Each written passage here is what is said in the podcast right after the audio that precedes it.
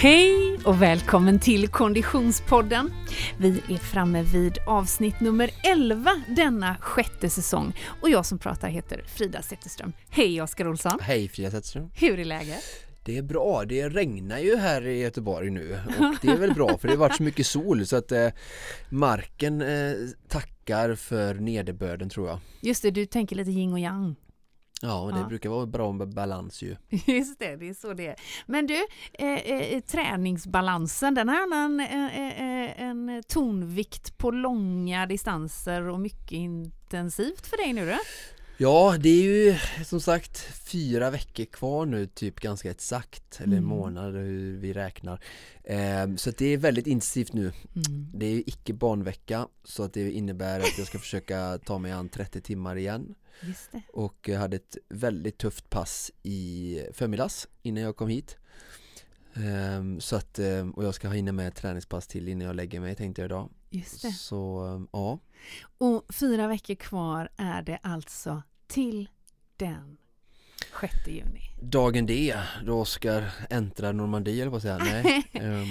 Men... Nej, då vi, då vi, du tar dig an eh, Supervasan. Ja. Supervasan The Challenge mm. som vi har liksom eh, lagt mm. till här nu. Mm. Ja, för det här är, blir ju spännande på många fronter. Ja. Mm. Vi vågar inte lova för mycket men eh, eh stay tuned helt enkelt. Mm. Oskar kommer bli utmanad. Ja, det är, ser vi verkligen fram emot.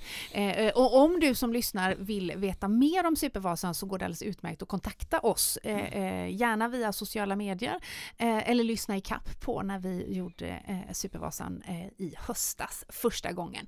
Men okej, okay, en 30 timmars vecka stundar. Mm. du hade en ehm, ett stråk av träningsödmjukhet i dina ögon när du kom in i förmiddags. Ja, mm. ja men jag kör ju, idag hade jag lite tuffare pass, ett sånt eh, Vasaloppspass som de kallar det i långloppskuppen när man eh, kör eh, ja, 3-4 timmar eh, distansträning med mycket fartinslag då, mm. så verkligen mal ner kroppen och eh, Ja, det är lätt att bli trött eh, och eh, jag hinner tänka mycket under sådana tuffa långa pass och eh, blir påminn om hur långt det var och ja, bara att åka till exempel 9 mil rullskidor är ju långt och men nej, jag blir bara i träningen också samtidigt, alltså vad ska jag säga, jag blir kompis eller vän med utmaningen mm. men det är ju långt och sen såklart när du eller jag eller vem som helst sätter lite tidsmål för oss själva mm. så blir ju mm,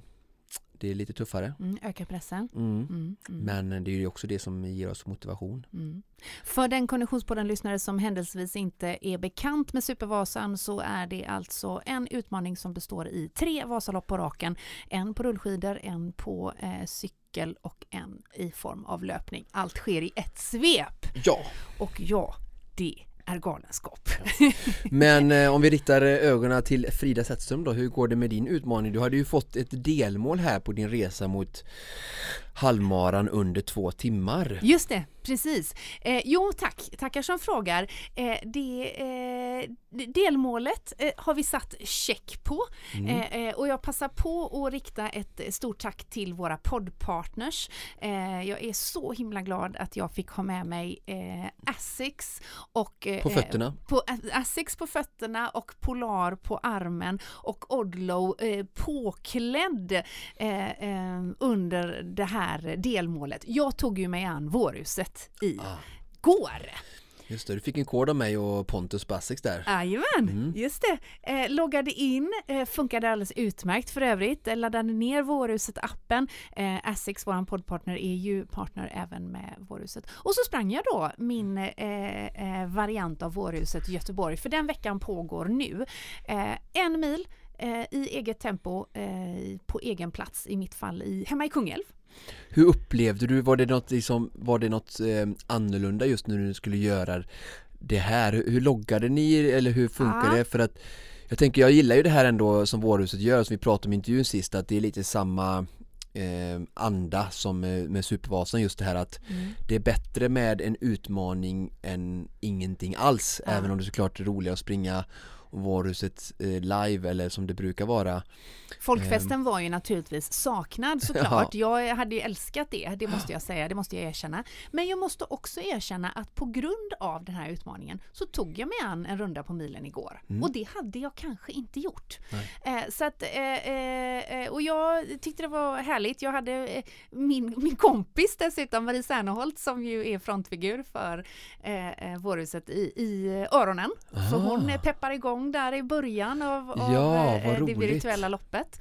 Eh, Okej, så du startade loppet? Jajamän, i Ah. appen. Mm. Eh, och man reggar där och sen efteråt så kan man också ta lite så här schyssta selfies. Jag har faktiskt lagt ut på Konditionspoddens Instagram precis här nu då med man får liksom som en virtuell medalj på sig. Ah. På, Ja men det är lite kul Ja, mycket Mm. bra. Så att, eh, eh, eh, och sen ska jag i och för sig erkänna att jag eh, förlitade mig också på våran poddpartner Polar genom loppet och hade ju min klocka med mig Mm. och på mig och loggade även den vägen. För eh, i sedvanlig ordning så skärmdumpade jag ju Polar Flow-appen till dig Ja just det, just det. Efteråt. Eh, så att, eh, jo tack, det gick bra. Det blev åtminstone, eh, må, min målsättning är ju som du sa halvmaran eh, under två timmar och jag eh, gick i alla fall i mål på milen på 57 så det får jag väl vara. Ja precis, vi Ganska pratade om det. Det var ju 5.40 fart och det är Ja. det som krävs för att Ja. springa på 1.59 fast två varv då. Just det, Plus precis. lite till. Bara Mm. göra det dubbelt. Mm. Ja, det är bra. Det tar vi oss an. Ja men härligt och var jättekul att du antog utmaningen Mm. och eh, ja, det, på något sätt så tror jag ändå att det, det hjälper oss att eh, hålla igång lite när vi har sådana även om det såklart är lite annorlunda så Mm. Big shout-out från mig till Vårhuset Mm. och Asics för att ni eh, hjälper utöver utövare att ha någonting att eh, ändå få genomföra i de här tiderna. Ja men verkligen och stort tack för att ni är med oss hela den här säsongen.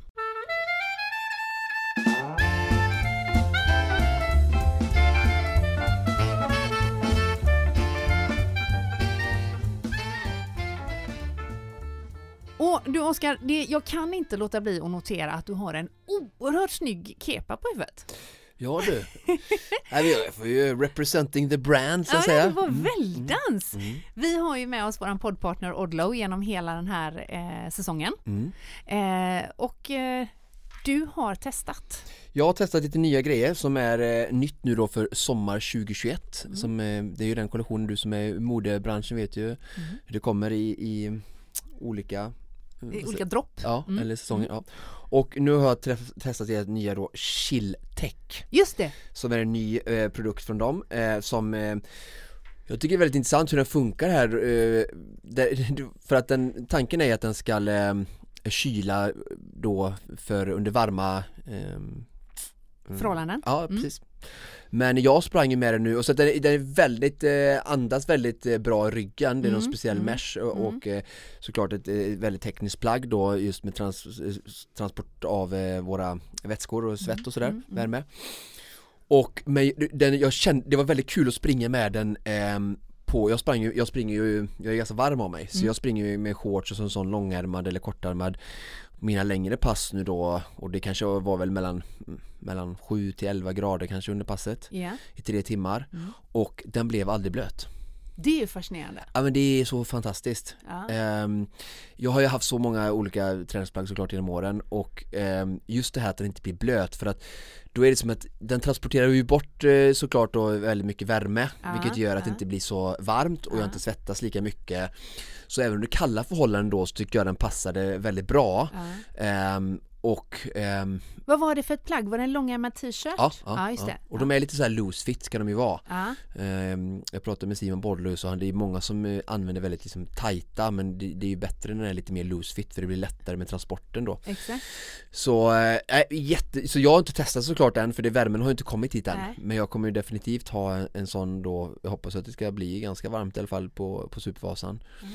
eh, Men just det här bara att den transporterar så bra att det inte blir blött För att alla som vet som håller på lite längre pass överhuvudtaget När det blir blött ehm, så ehm, Det blir kallt. Ja, det blir kallt sen liksom, om du håller på längre. Mm, mm. och eh, jag tyckte nästan inte det luktade någon svett. Jag luktade faktiskt i armhålan på den efteråt. Eh, Ja men så- bara en sån grej bara för att det var så kul och plagg kan ju lukta väldigt illa för, i alla fall för mig ibland eh, efter träning och så. Mm.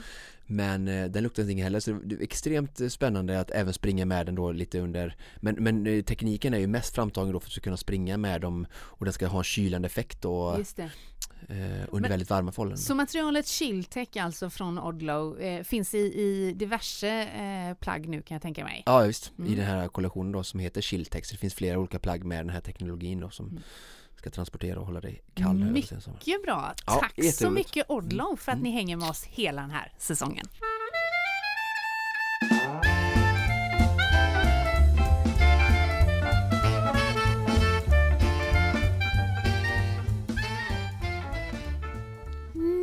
Oskar Olsson, har vi fått sällskap in i studion och det här är ett efterlängtat sällskap. Verkligen, både från min sida, våra partners och inte minst våra lyssnare. Jag sa ju till Mattias innan att han är en riktig like-raket. Mm, och jag är också ganska glad. Du är också jätteklart, du kommer lära dig massor, jag lovar. Vi säger hej och välkommen Mattias Räck. Tack så mycket och- jag smilar också som ni ser. Alla är glada.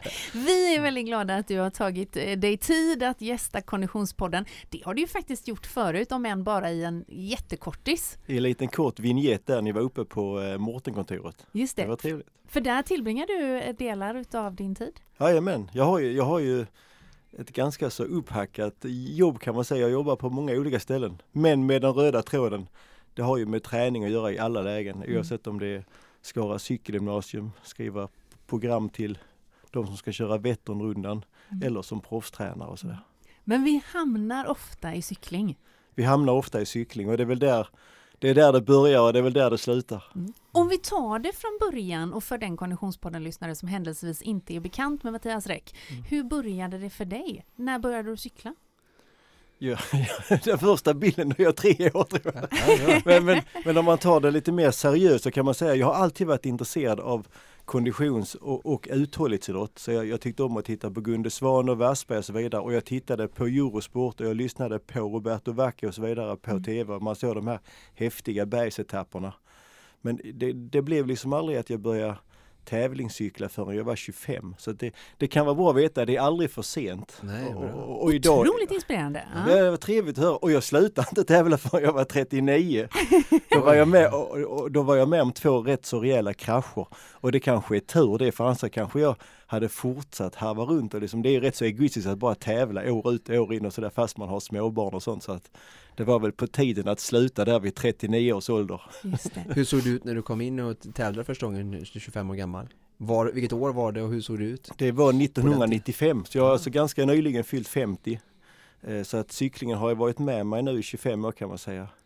Och jag trodde att det var mycket enklare, för när man ser cykel på TV så ser man inte det här positionskriget och hur svårt det är. och Så, här. så jag tänkte att jag var ändå ganska vältränad. Jag hade, jag hade hållit på med kampsport i många år på högsta nivå och all ledig tid så cyklade och sprang jag.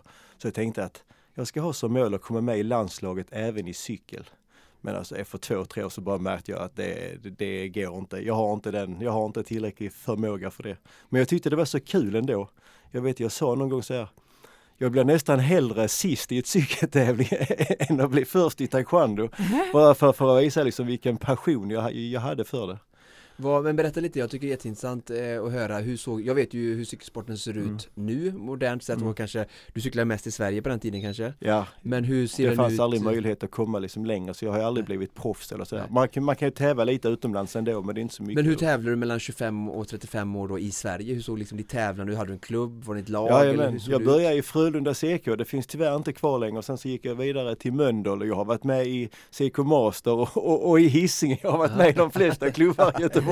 Det har varit trevligt. En, en, en session var jag uppe i Stockholm och då tävlade jag för Uppsala och sådär. Ja. Så jag har varit med i lite olika klubbar.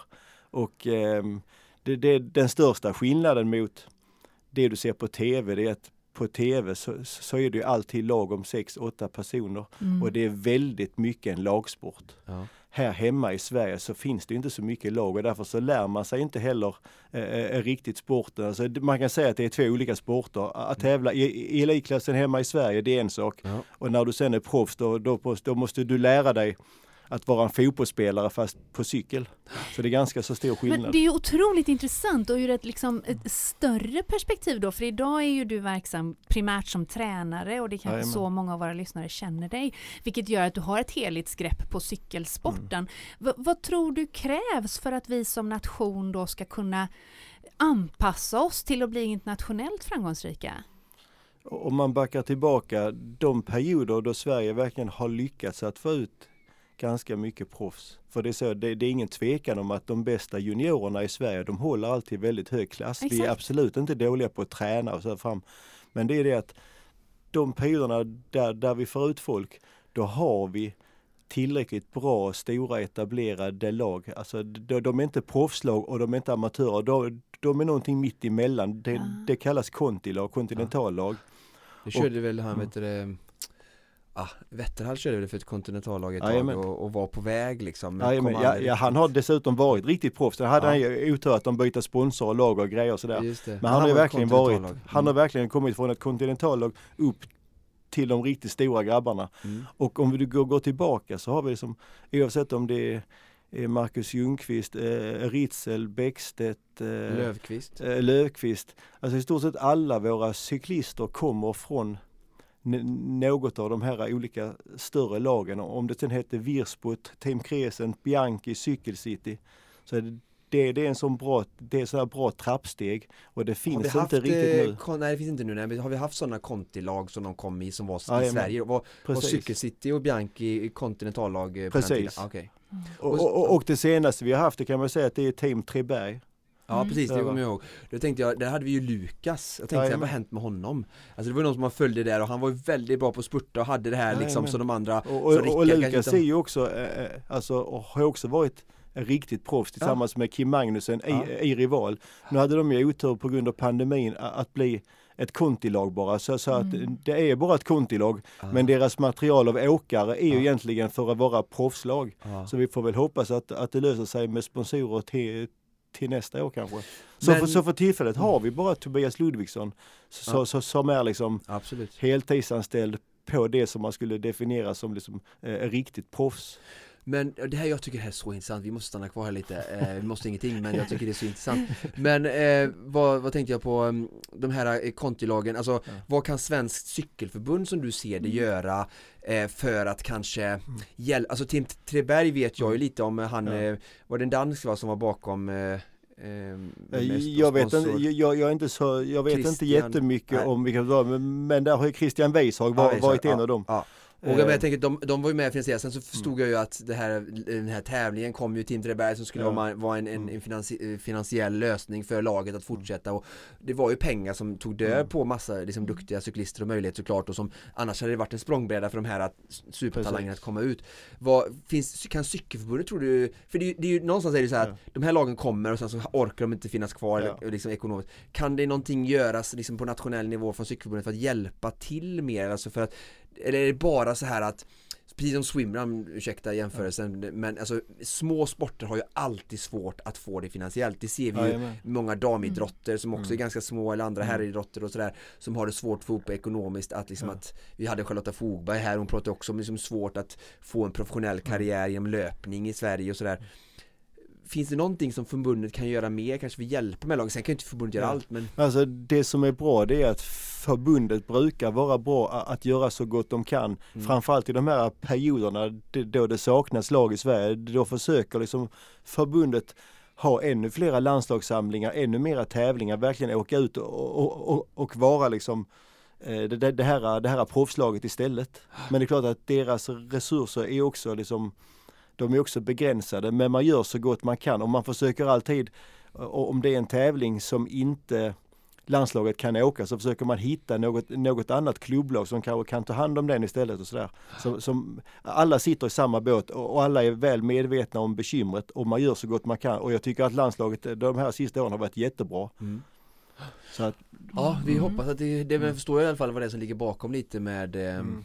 Med finansieringen och att kunna liksom skapa rätt möjlighet för alla de här duktiga talangerna liksom. Mm. och det är klart att då, då blickar man ju lite till grannländerna och i både Danmark och Norge så har de ju som tre, fyra sådana här kontinentallag och, och det har de haft i flera år, I, ibland till och med fem lag. Och det är Mm. klart att då är det lite det är lite synd att Sverige då knappt har ett. Ja, ja, ja, ja visst. Och, och, och eh, så får man försöka göra så gott man kan ändå. Men, men, men det är tyvärr så det ser ut för tillfället. Och, och då blir det ett väldigt stort steg att gå från att bara vara liksom en svensk amatör junior och sen så börjar du köra i, i U23-klassen här i Sverige men det är ett litet klubblag. Då är steget jättestort till, Mm. ett, till att komma ut. Alltså det, det, det, det, det är i U23-klassen som, som Sverige tappar. Okej. Och, och åren går ganska snabbt. Alltså den som har Mm. tänkt sig att han ska bli proffs, han har liksom inte råd att sitta mer än till han är 20 i ett svenskt klubblag. Sen måste du vidare, alltså kan du glömma det här med att bli proffs. Och det är viktigt att liksom att ledare säger det. Så att, så att inte folk tror att ja men nu är jag här 22-23 år och jag bara fortsätter och så vinner jag i Sverige. Men det är inte en kotte som bryr sig att du vinner Kinnekulle. Och, alltså där är inga proffsagenter och kollar. Nej. Utan du måste ut. Ut. Ja du måste ut. Du, du, du, du klarar det hemma, alltså kan jag säga, säga två år. Men när, men när du är 20, alltså, du måste börja synas, du måste tävla jättemycket utomlands för att överhuvudtaget ha chansen. Har vi några agenter i Sverige som jobbar för att försöka jobba med unga talanger och hjälpa dem ut? För oftast är det ju så att de är väldigt, oftast väldigt bra på att Ja. cykla men kanske inte pratar för sig eller Ja. vet sådär. Har vi några agenter i Bra, Sverige? bra fråga, det vet jag Ja. inte. Men Nej. att jag inte vet det, det betyder kanske att vi inte har så många. Ja, just det. Just det. Men det var också det att, att man lägger sin, sin, sin kraft kanske mer på att titta på grannländerna Norge och Danmark. För där, det, vi kan ta ett exempel, Uno X. Mm. Det är ju det är ju ett lag som nu är jätteframåt offensivt. De har alltså gått och blivit Norges första riktiga stora proffslag. Nästa år ska de ha ett damlag också. Mm. När de Ett World Tour-lag alltså? ett World Tour-lag. Ja. Och, och när de, nej eh, Uno X herrlaget är inget World Tour-lag men, men, men precis under så har man Okej. något som heter Continental Pro. Ja, Så det. division 1 och division 2 de är riktiga proffs och då är det minilöner och allt sånt. Ja. Eh, och, och, och där har de hamnat så att de ser du på TV nu ganska mycket. De har kört jättebra. De, de syns jättebra för de är gula och röda och inget annat lag ser ut som dem. Men de tillhör den kategorin som kan få en inbjudan av Tour de France? Jajamän, det skulle de kunna få. Ja. Och de ville inte bara vara i Norge. Och, och vilket land valde de att gå till då eh, för att de ville ha liksom en, en, en nordisk touch? Jo, då gick de till Danmark så de har en del sportdirektörer och tränare i danska och säkert fem, sex danskar men inte en enda svensk. Och det säger ju också en del om att vi har fortfarande, alltså det är för tunt. Men vi kan hoppas att på sikt att Uno X också kan bli ett lag som kan ha lite svenskar. Det hade varit, det hade, det hade varit häftigt. Och att vi kanske nu på damlaget som ska dra igång nästa år, att där också kan ha en del nordbor. Det krävs ju nämligen också en Emilia Fallin är väl också ihop med Ludvigsson en som är Alltså även om den kanske är lite mindre damcyklingen så vet jag inte om hon har, men hon är väl heltidsproffs? Absolut, Ja. det var lite dåligt av mig som ändå sitter och jobbar med ett Trex damlag. Nu har vi bara, det. bara pratat herrar. Ja, Ja. man, man, man, ty, tyvärr faller man in i det. Eh, Det, det ska man inte göra. Men, men på damsidan är det ju bättre. Vi har ju fler damer som verkligen tävlar på högsta nivå. Sen har de ju inte lika bra ekonomiska förutsättningar. Men om du kommer till en tävling, typ Flandern runt eller nå- någon annan så här, då kan du ha liksom en fyra, fem svenska tjejer med. Det är jättehäftigt. Vilma Olausson åker i Sunweb. Vi har Emilia Fallin, eh, alltså i före detta Frances Tejeux som heter Groupama. Vi har Hanna Nilsson i Lotto. Och så har vi Caroline och vi har Sara Penton. Och, alltså vet, Vad, vi- vad har gjort är- att de har fått komma ut till den högsta nivån mer än killarna då? Är det för att de är bättre eh, i sätt ut i världen eller har de haft andra vägar fram? eh, Sverige har bra tjejer. Ja. De, de är Ja. bra. Nu, till exempel har vi ta också eh, vi, eh, Julia Borgström också. Så att jag inte glömmer någon. så, här, va? Nej. så att det, det är, vi, vi är duktiga Mm. Mm. och eh, det är jättehäftigt. Mm.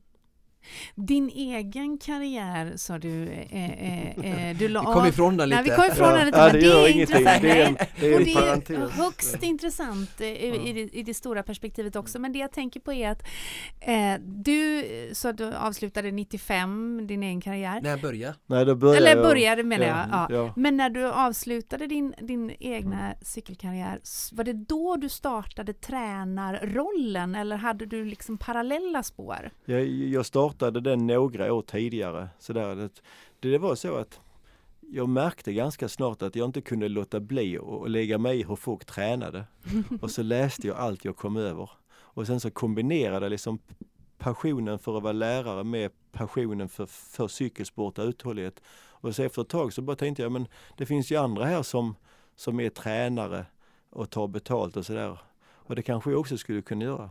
Så medan jag var lärare så, sakta men säkert så liksom fick mitt lilla tränarföretag mer och mer plats. Och sen så bara har jag fattat i efterhand, inom form av 40-årskris. Jag var 39 och jag började sådana tankar. Så bara från en dag till en annan så stövlade jag in till chefen på ABFs eh, vuxengymnasium och sa att jag slutar. Jag höll på att tappa hakan. Va? För det, det är inte så himla lätt när man är lärare, framförallt inte om man är SO-lärare, att få jobb i centrala Göteborg på ett komvux. Det, det är det jättemånga vi- vill ha och vi var dessutom lite övertaliga för de hade gjort eh, nedskärningar så att det var, det var någon annan som skulle få lämna. Och då blev de också rätt så glada. Men det, det var liksom från en dag till en annan så bara bestämde jag mig för att sluta. Då hade jag redan ganska mycket jobb så jag hade satt mig liksom i nästan en liten omöjlig sits. Mm. Jag har inte riktigt tid att jobba så mycket som lärare som liksom krävs. Och jag har inte riktigt tid att ta på mig alla de här uppdragen jag har nu. Så någonting måste ske. Och det var så det, det blev. Jag, tänkte, jag, jag kan alltid vara lärare igen. Just det. Och, och Bra det var- lärdom när vi stänger dörren så öppnas något nytt men det är oftast ibland Ja. svårt att ta det steget. Ja. Verkligen. Men jag är absolut ingen sån här, jag, jag är ingen chanstagare utan då hade jag redan ganska mycket saker som jag skulle göra. Jag, jag var Vätternrundans träningsexpert. Jag var tränare i det där Sveriges bästa lag då, Team Cykel City. Det var ju nästan lite periodiskt. Jag cyklar fortfarande Så då som i, i ett annat lag och så var jag tränare i Team Cykel City. Men jag var inte så bra så det gjorde ingenting att jag var, var med. Jag kunde liksom inte sabotera för de som jag tränade. Jag kommer ihåg Cykelcity, de var ju ganska stora precis när jag kom in i triathlon och började cykla väldigt mycket. Mm. Vilka hade vi där då? Hjälp mig, vilka var det någon talang vi hade Ja, då? vi, vi, hade, vi, har, vi, vi hade jättemånga. Nästan alla de bästa har ju varit i Cykelcity för att när Team Mälarenergi och, och, och Cykelcity fanns båda två, då, då delade de bästa upp sig, de två lagen. Men sen så la Mälarenergi ner och då var det bara Cykelcity som var det enda riktigt stora laget.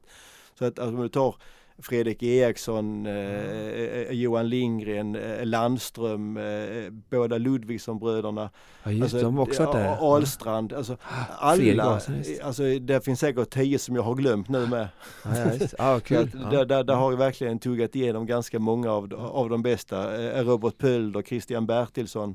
Och ni var de som finns- också började med lite så här rekordtider med Vättern, var det inte ni som började? Cykelcity? Ja, vi fick in, eh, Cykelcity hade ett veterangäng som t- tillsammans med MAS-gänget, vi ska inte Aha. glömma MAS-gänget, det var ett, en gäng masar som höll i ett snabbgrupp som alltid var snabbast på Vättern Ja, där på eh, början på 2000-talet. Så att, och sen så kom det in lite Cykelcitys eh, elitlag också. Så hjälpte till då. Och det är ju en ständig, det tycker jag är jättekul. Alltså jag tycker det är kul att hjälpa Vätterncyklister som ska göra det för första gången. Mm. Och, och, och just nu håller jag på och, och skriver den typen av pass. Och så samtidigt tycker jag det är rätt så roligt att vara inblandad i de här diskussionerna kring Får man lov att cykla fort på Vättern? Jag trodde Vättern var ett motionslopp, varför ska ni prata te? Allt det här, jag tycker det är rätt så roligt. Ja. Mm. Och, och jag tycker man har rätt att cykla så fort Ja, man vill om det bara görs under säkra former. Det. Och det har man ju löst nu genom att de har egna startgrupper senare. på liksom senare på, på lördagen. Och jag tycker det är, rätt, det, är, det är rätt häftigt. Ska man bara hålla på i sex timmar istället för 18 så går det att starta ganska sent. Ja, precis.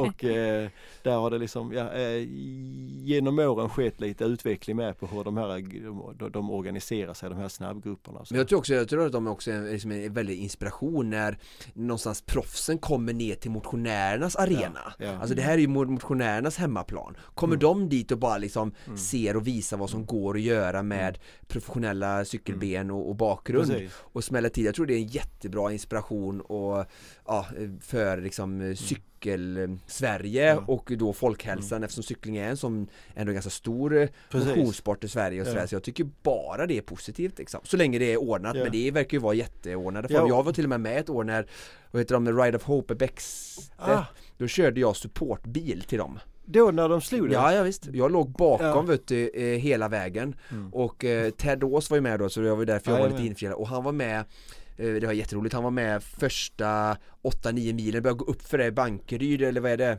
Eh, på B, alltså efter 8 mil typ så ska Ja. de upp för den här backen Ja, som är rätt lång innan de cyklar neråt Jönköping igen. Just det. Ja, Innan Hus, ja det är väl upp mot Huskvarna Och där flög han av i backen då Men Ja. på vägen ner så var det liksom Ja det var ju Niklas Ja. Gustafsson med Ja, Och så. Bäckstedt och sen eh, ja, Peter Larsson tror jag va? Gingsjö, Gingsjö var med Johan också, ja. Svensson, Ja. nej vad starkt. Men det var nio- Marcus Larsson också. Marcus ja, men nio stycken bara Hör och häpna, du, Ja. du vet de senare rekorden har ju varit ganska många. Men nio pers då och så var de ju bara åtta Och sen vet jag att några för till flög av, de var alla sex i mål eller fem eller sex Sa du Bäckstedt? Ja, Ja, ja, ja, ja.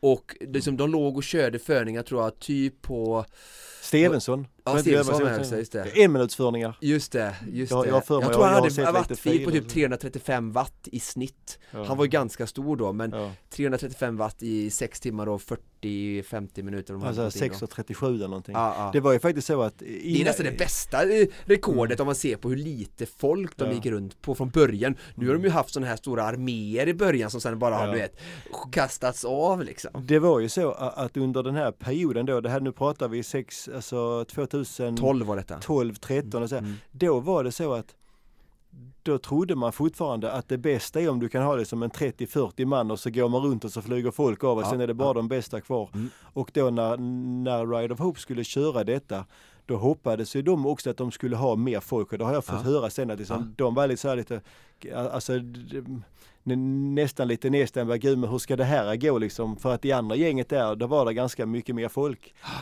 Och sen så blev det bara så att eftersom att de inte var så många och många flög av så till sist så bara var, alltså de hade inget val än att lägga sig på ett led och ta långa förningar. Nej. Och då visade det sig att det, det, det går absolut att köra på det viset Ja. och, och, och senare forskning har också visat att det, det är mer effektivt att köra så. Om man är tillräckligt stark så ska du inte ha så himla många och så ska du ligga kanske och, och så tar du längre förningar på ett led.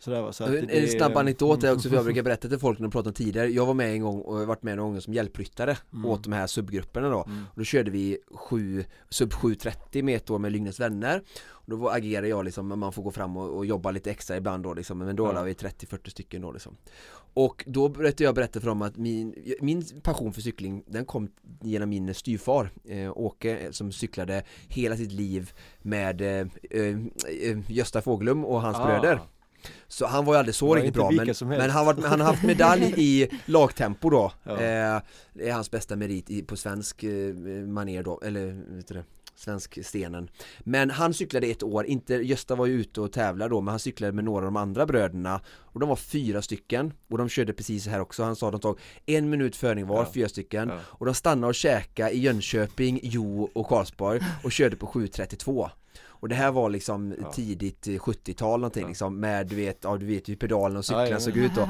Men bara för att få det, de var fyra stycken och det var så en rak led och de Ja. var en minut var, gick runt, stannade och käkade tre gånger och Ja. 7.32 hade de i Helt otroligt. Helt otroligt liksom eh, Och, och eftersom att du nu ändå nämner Gösta Fåglum, Giro d'Italia börjar ju på fredag.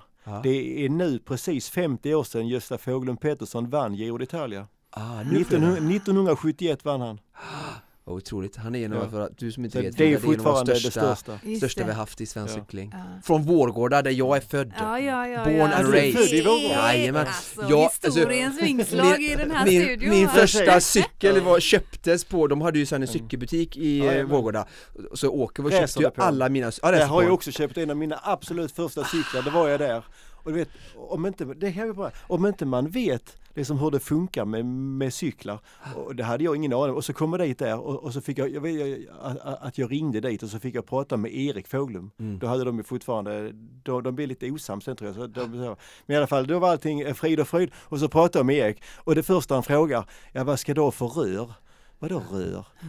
Kan du det- jag jag skulle vilja ha den och den ramen där. Ja men vilka rör ska du ha? Så bara liksom det att det fanns olika typer av stålrör beroende på vad du skulle ha. Och sen, ja och sen, ja, och sen ska ju Gösta bygga hjulen. Bygga hjulen? Eh, vad, vadå bygga dem? Är, är, är inte de, kommer de inte bara färdiga? Här, bara det här liksom, vilken utväxling ska du ha då? Ja det var sådär, så det var verkligen, eh, det var, det ja, var en jag helt har ny sprungit i den värld. lokalen så mycket, ja, det är sådana minnen och det, tack vare liksom, den uppfostran som gjorde att jag en gång kunde ha den snabbaste cykelsplitten på Kalmar Ironman Ja. Det kommer därifrån, jag har, alltid, alltså, jag har aldrig kunnat simma eller springa men eh, cykla lärde jag mig tidigt och Mm. nu är väl inte benen så bra men det var eh, det när jag var yngre Men det känns som att vi, vi, vi ramar liksom in det med eh, eh, eh, lokalen i Vårgårda och, Mm, och, och ja. i förbifarten nämner Giro d'Italia och det känns som att vi då hamnar lite i hela din karriär Mattias. För vad var det Ja. egentligen som gjorde att du hamnade internationellt som tränare? Det är ganska det- hopp från att coacha liksom, lite Ja. cyklister i Sverige till att bli så internationellt erkänd Ja, så jag kan säga så.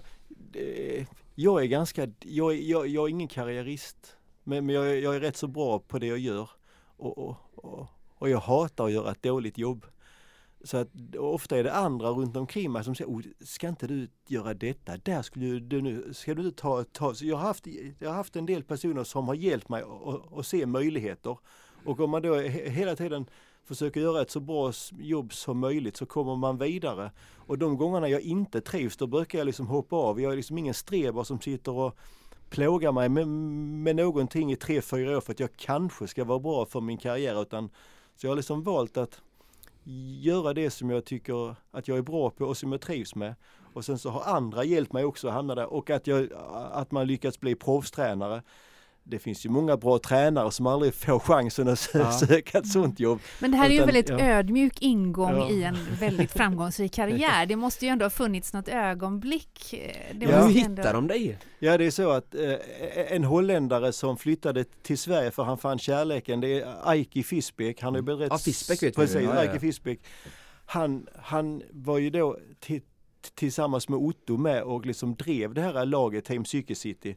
Och när det la ner så vände Aiki tillbaka blicken till Holland där han blev sportdirektör i, på den tiden, Argos Shimano. Alltså det är det som heter DSM nu. Just det hette det. Sunweb förra året. Ja, Haiku har han inte varit på, nej. Va? Haiku var han aldrig. Uh, nej. nej, nej, nej. Uh, och uh, det här var 2013 han var där. Mm. Mm. Då eh, behövde de en tränare till med start 2014. Ah. Och då sa han, du Mattias, du skulle ju nu liksom passa in här. Ah. Och då fick jag åka ner två gånger och vara på intervjuer och sådär. Så att Aike öppnade dörren så att du överhuvudtaget fick komma och prata med dem. Ah, ah, och sen vet jag att de tog mig, alltså de kan välja ganska många tränare som kan mycket. Och om de då är i Holland så har de ganska många som, som liksom är, är vana enligt den traditionen.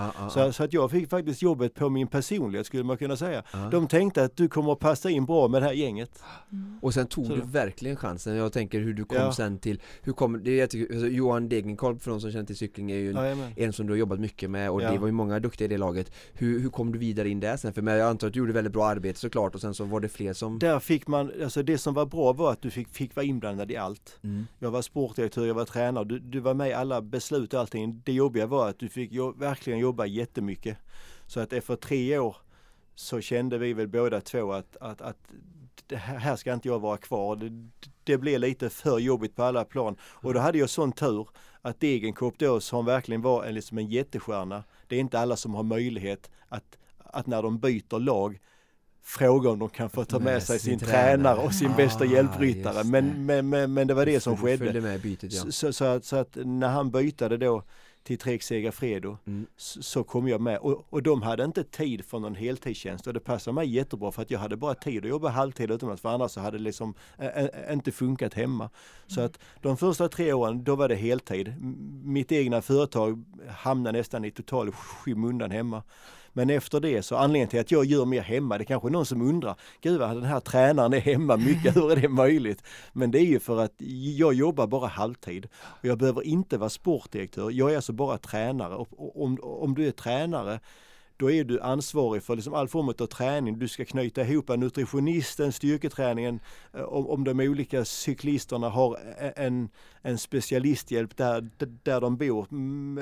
Men jag ska alltid vara spindeln i nätet. Mm. Men jag behöver inte åka omkring på alla tävlingar. Vi har ju sex sportdirektörer som, som liksom är ansvariga för tävlingarna. Och det är väldigt skönt att slippa det för det är inte min specialitet och då kan jag också vara hemma med. Så att jag, jag man kan säga att jag har ett dubbelliv. Mm. Mm. Och det är rätt skönt när jag är hemma då är jag verkligen långt ifrån den här proffsvärlden och det är rätt så skönt för då kan man liksom koppla av på ett annat sätt. Där ute, där är det full gas hela tiden och de flesta de reser 180 till 200 dagar. Det är mycket stress, det är mycket press. Eh, ja, det är alltid som full gas. Då är, det, då är det rätt så skönt att komma hem. När barnen har gått till skolan så sätter man sig där med sin kopp kaffe framför datorn och så är det bara helt tyst. det, det är liksom jättekontrast. Ja. Du, eh, vi är inne på nu World Tour-lagarna eh, och du tränar damlaget för Trek Segafredo. Ja det gör jag också, ja. det, har, det har blivit nu. Jag har, jag har ju fått mer och mer att göra. Ja. Så vi, vi, får väl se hur länge jag kan hålla spjärn på det här halvtidstjänsten. Just det, men det är dam och herr då? Ja, i, för tillfället så är jag på detaljstyrning Mm. så hjälper jag sju killar och fem tjejer. Men Just sen är jag lite övergripande huvudansvarig för damlaget också eh, när det gäller det, sport, det sportsliga. Hur många är det i varje lag? Vi är 28 herrar och 12 damer. Oj, det är en stor apparat. Ja det är det. Mm. Alltså, det är en sån jätteapparat. Om ni bara visste hur många... Det, jag brukar åka runt och hålla föredrag. Nu har ju inte det skett på ett och ett halvt år så man har nästan lite abstinens. Ja. Men du vet, något av det häftigaste man kan prata om det, det är det här i början, den här logistiken och apparaten. Vet du hur många cyklar alla har? Alltså det är 8-10 hojar och det är 28 man i laget. Du kan tänka dig va? det är 300 hojar. Ja, och då undrar ju folk, men, men, men vad ska man med så? Det är, så, det är en typ så här, det kunde min mamma sagt, men man kan ju bara cykla på en åt gången. Men då är det så att alla har ju två eller tre olika cyklar som man verkligen tävlar på beroende på om det är platt eller om det är mycket uppför och, Mm. och så har man tempolopp. Och alla de tre har man som träningscykel hemma. Den, den är bara hemma. Mm. Sen finns ju de på tävlingarna med och du ska ha två av alla fall ifall du- du punkar eller kraschar. Så att bara där är du nästan, och, och sen så de som är stjärnor, de har ofta någon extra prototyp och de har någon extra tempo för att de behöver någon på tävlingen och så hinner de inte flyga den från träningsläget till tävlingen. Så att där finns otroligt mycket cyklar i omlopp. Ska du köra Paris-Roubaix har du en fjärde cykel. Jätteintressant.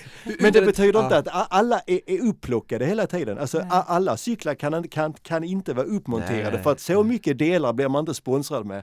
Utan som mekaniker Ah. och, inför Paris, inför Paris Roubaix till exempel, då får man ju liksom ett par veckor innan bygga upp alla de här 8 plus 8 cyklarna.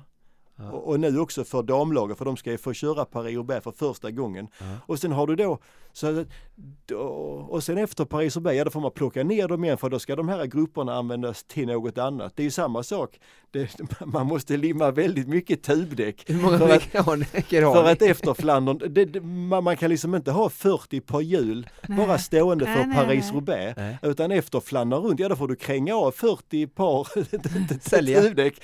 Och sen så ska, du, och så ska du limma på 2 millimeter fetare däck Ah. för Paris-Roubaix och sen ska allt av igen och så ska de vidare till till något annat. Va? Så det är inte konstigt, man behöver en 10-12 mekaniker i ett proffslag. Och vi har, och vi har säkert 15 stycken massörer. Hur, utan Ja. att säga, utan att säga för mycket om det är känsligt, men hur jag antar att den största smällen här, eller liksom insatsen får cykelmärkena ta Alltså är det väl så att de ger cyklar gratis i return of, alltså det är ju tv-tid och på Ja, återlag och, ehm, det, här är ju, det här är ju en proffscirkus ut i fingerspetsarna och det är en av de äldsta sporterna med så, så, så att den är ju väldigt utvecklad proffsligt sådär. Det finns inga pengar, ut, alltså det finns väldigt lite pengar utifrån tv-rätten så det är en Ja. stor diskussion. Så Ja. den ekonomiska modellen är så här. Alla cy, cy, cy, cyklister och personal, de har lön. Det är inte Ja. det a- a- att man bara ska gå runt på prispengar utan Nej. du ska ha lön. ja, Och det är sponsorerna som ser till att du får pengar. ja. Det laget som jag är i, där är Trek inte sponsor utan Trek äger laget. Så att det är som, Trek tar en jättestor del av, av det här.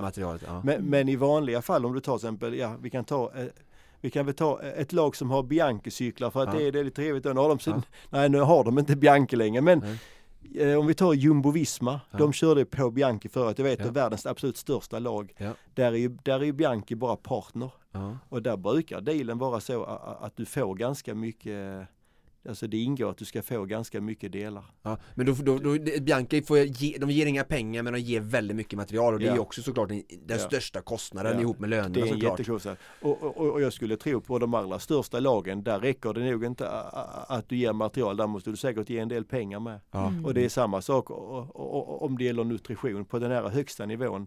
Det räcker inte att du bara ger bars och gel och Mm. sportdryck till 28 man ett helt år, vilket är jättemycket.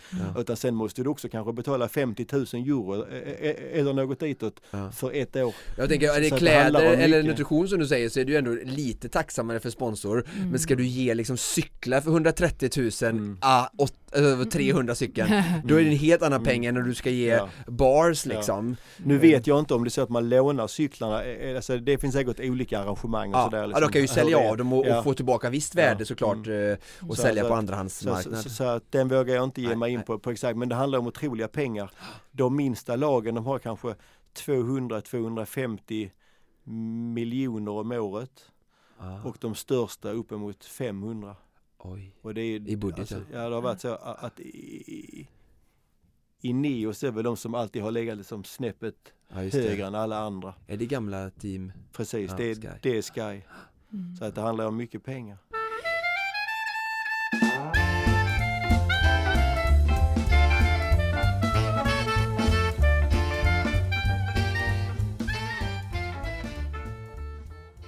Men så halva din tid är du alltså kring Trek Segafredo och, och, och vad, vad, sa du, 7 plus 5 cyklister eh, eh, som du är eh, tränare för och halva din tid så skriver du träningsupplägg för motionärer i Vätternrundan. Det kan man säga. Det är ju underbar ja, det, kombination. Det, det, det, tycker jag med. Och Friskis och Svettis har vi skrivit så här, det har blivit jättepopulärt, det här Spin Giro som är liksom cykelanpassad periodiserad spinning där man börjar någon gång i november och så kommer man ut full med med energi och, och jättebra form någon gång i, i april, alltså kring påsk också rätt så häftigt.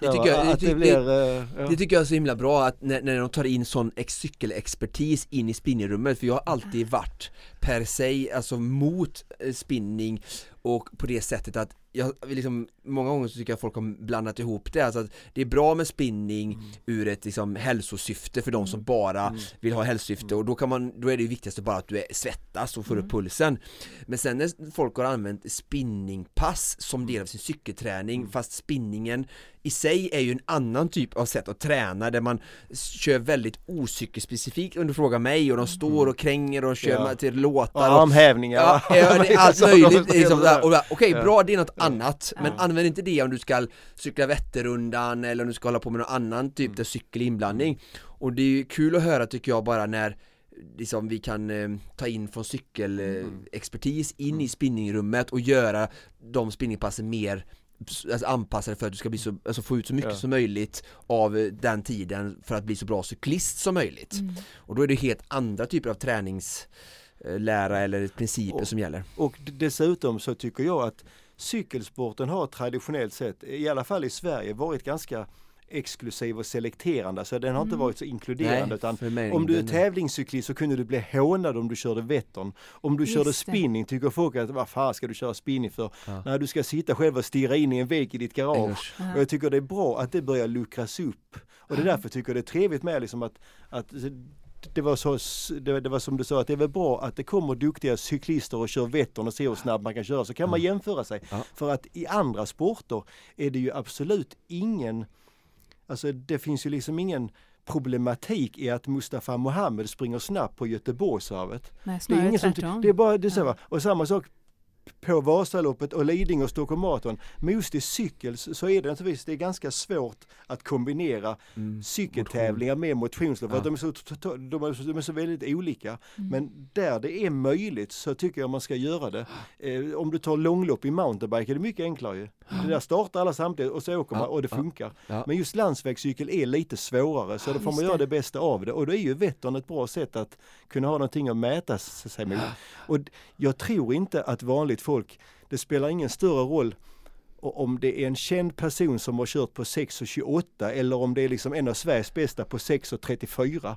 Det är snabbt nog ändå som ah, man liksom förstår ah, va. Ah, och, det, och, och, det tror jag är det, det, det är liksom det viktiga. Och det vet jag faktiskt när jag var på, vad hette han som var ansvarig för Göteborgsvarvet innan, Bo Edsberg eller sådär va.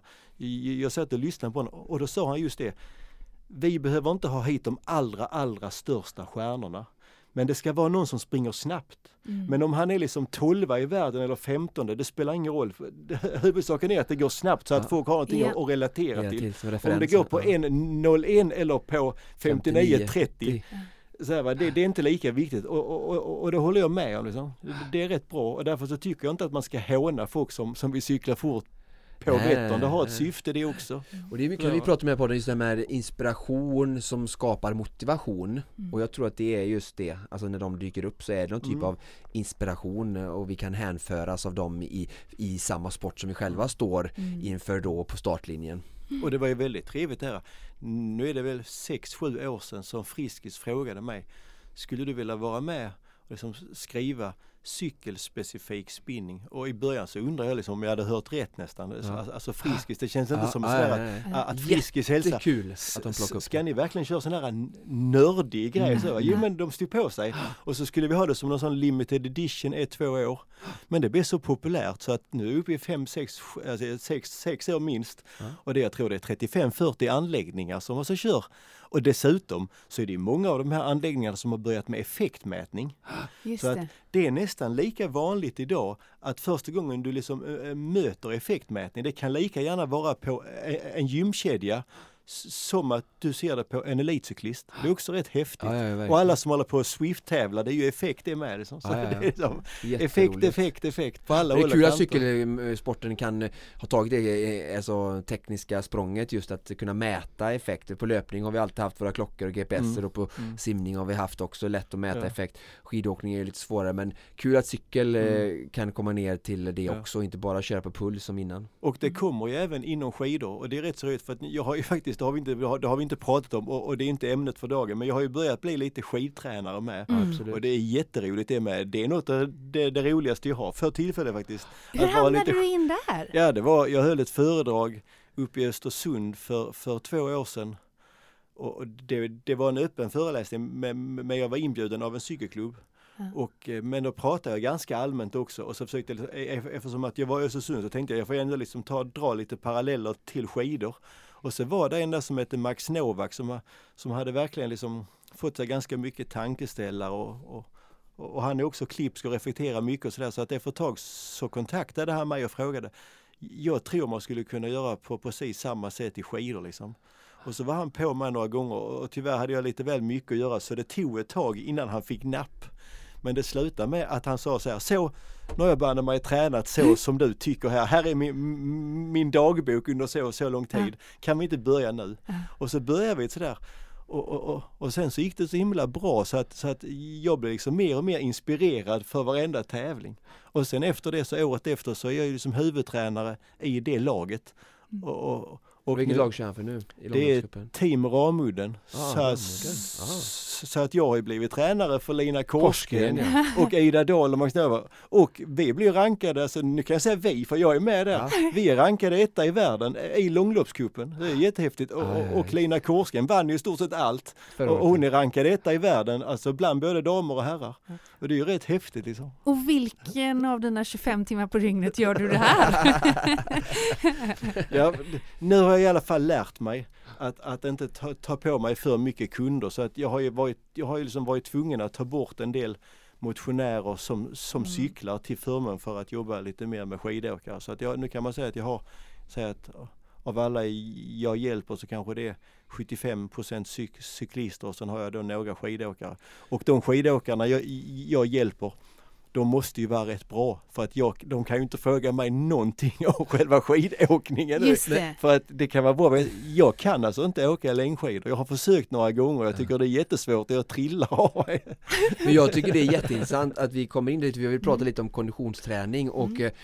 eh, eh, jag själv tränar ju mycket också motionärer precis som ni på Guided Heroes och du gör privat eh, och eh, det är ju flera olika sporter. Men Ja. precis som dig är jag ju väldigt nördig och gillar att läsa liksom det senaste inom konditionslära och jag har ju följt Team Sky mycket, de revolutionerade ju mycket tycker jag på vissa Ja, delar inom konditionsträning, många har tittat på dem från andra sporter vet jag också. Precis, ja de Eh, och inom cykling. tog ju in simtränare med Ja, och sådär va? Ja precis, Det är och det, det är kul att se det här crosstänket och våga gå ur lite. Ibland känns många sp- sporter, speciellt till exempel simning men även cykel så är väldigt gammal tradition, eh, traditionsenliga där Mm. man alltid har tränat på samma, samma träningsmodell och inte riktigt följt med den nya forskningen och, och det är ju så kul att vi kan se hur, alltså i grundbotten så är ju konditionsträning densamma Mm. Sen så finns det ju alltid såklart grenspecifika sätt att förbereda sig för en tävling och det är väldigt viktigt men eh, grundträningen och alla de andra knepen är ju oftast samma Exakt. och det är kul att se när eh, sporter öppnar upp och är lite öppna för att ta in liksom lärdomar. Ja men vad är det ni har lärt er från cykling eh, som vi kan ta in i skidåkning? Sen finns det säkert saker som skidåkarna gör,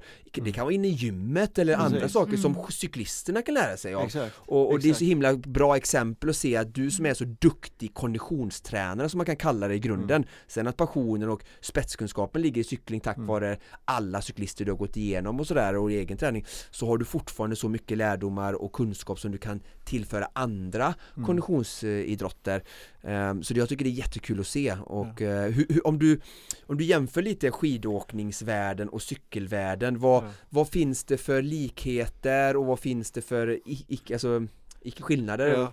Det, jag vet att jag, jag har haft det lite på skämt sådär att att, att skidåkare är väldigt morgonpigga och de har helt annan dygnsrytm. Ja. Tränar alltid väldigt tidigt, uppe väldigt tidigt. Sådär. Mm. Det, det var en sån grej som, som, som har slagit mig. Och sen det är klart att, att när man lever i en värld där väldigt många är väldigt utmärglade det, det som min fru brukar säga, liksom, att cyklister de har inåtrumpade. Liksom, Ja, ja. många är väldigt taniga, Mm. framförallt och, som man i hennes fall följde med på ett höghöjdsläger för bergsklättrare. Där är inte mycket på dem. Och sen så kommer du till, till skidåkare, alltså de, de är ju liksom ståtliga, atletiska, de har liksom helt annat. Jag känner mig så otroligt klen och kutryggig när jag är med, med, med skidåkare. Så jag, jag tänkte någon gång måste jag börja liksom köra lite mera lite marklyft och lite mera stretching och grejer så, så, så, så att jag får lite mera hållning och så. För man kan nästan känna sig lite för... Lite mer marklyft och stretching är ju två, det är en underbar kombination. Men om du tittar på träning, konditionsträning och sådär, hur, båda är ju alltså, det, det är ju samma skrot och korn i, i, i den här bemärkelsen att det är ju sällan du behöver säga till folk att träna mer. nej, Mm. Utan det är ju att du får ofta liksom säga till att nej, nu är det bra, nu måste du vila. Det, Just ofta är det. det bra att, att, att alltid kunna träna lite mer om man känner man kan det. Men det finns vissa perioder, det är en av de viktigaste grejerna som en tränare. Det kanske händer en, två gånger på ett år, inte för alla men för det, där, där du verkligen måste gå, gå in och bara säga så, nu måste vi vila. För Mm. de vet ofta inte själva när det går. De kan tycka att ah, nu är jag sliten och så, och så. Och så vilar de två, tre dagar så tycker de att de har vilat. Då är de stressade att de inte får träna igen. Men då kan man ibland behöva säga pang, i en hel vecka nu får inte du träna. Ja, du kan promenera lite eller cykla en sväng, men du får inte åka skidor. Det är, några, det är några få gånger på ett år beroende på vem du jobbar med där, där det här blir jätteviktigt. För annars är det jättelätt att du hamnar i en sörja. Du vilar lite grann och så börjar du träna och så, och så vet du inte om du är seg för att du har vilat två, tre dagar. Och så går du på igen och så tar du och så, och, och så känner du dig är, är lite bättre en dag och så lurar du dig och så tränar du på och så efter en vecka så hamnar du i samma skit igen. Och sen är man inne i en sån här sörja där man varken vet ut eller in. Så att så, så fort man som tränare märker att det här är liksom på gränsen, då ska man bara stoppa dem direkt.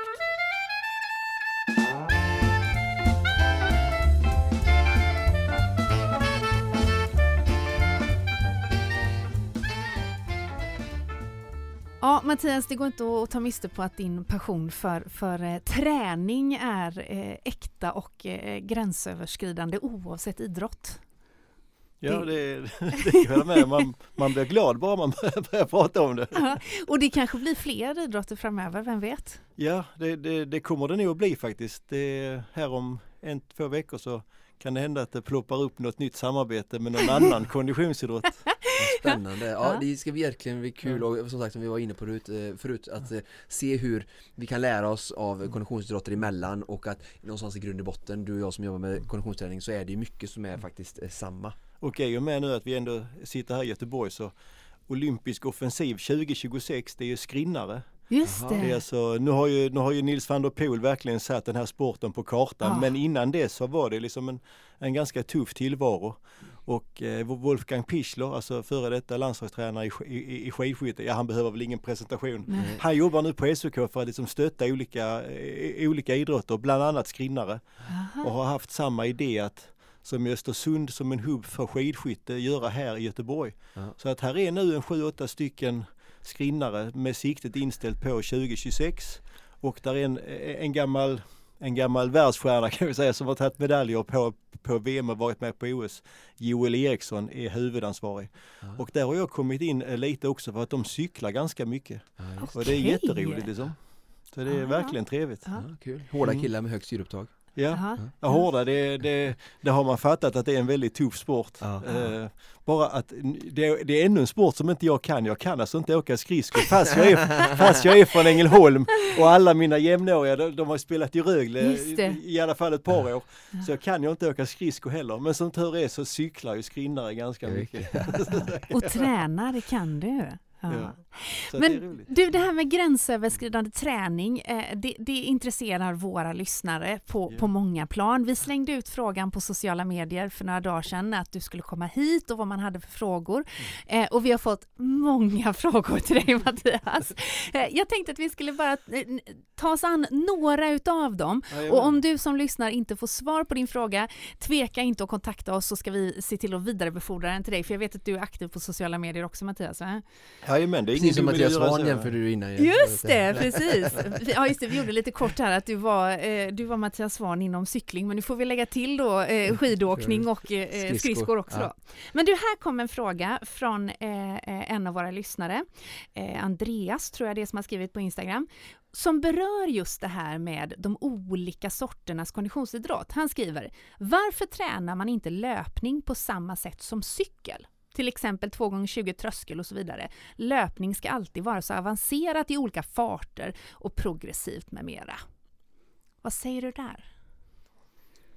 Alltså ja, nu, nu, jag skulle vilja ändra lite på alltså, eh, om man tycker att löpning är krångligt, att man tränar i, i olika farter och så, så, får jag, så får jag nog säga att i cykel tränar man också i väldigt eh, må, många olika typer av farter, troligtvis ännu mer än i löpning i och med att för de flesta, alltså om du är motionär och ska bli bra på att springa, det handlar ju i stort sett mest om att hålla ditt eget tempo jämnt och högt så länge du kan. Det är ju först om du ska tävla i löpning som du även måste fundera på att du ska positionera dig och så ska du spurta och sådär, men det gör ju inte en motionär. Och det är ju väldigt olika om du är fyramedslöpare eller om du springer maraton. Men okej, för en motionär så finns väl knappast 400 meter som, men, men, så här, så här, men, men om du är banlöpare eller, eller så här, men, men det, det är i alla fall, du ska bara pacea dig. Däremot cykel är otroligt mycket mer dynamiskt. Det är uppförsbackar, det är nedförsbackar där det är väldigt stor skillnad. Man kan vila med och så kan man, man kan nästan spränga sig varenda gång i backen för du får vila utför.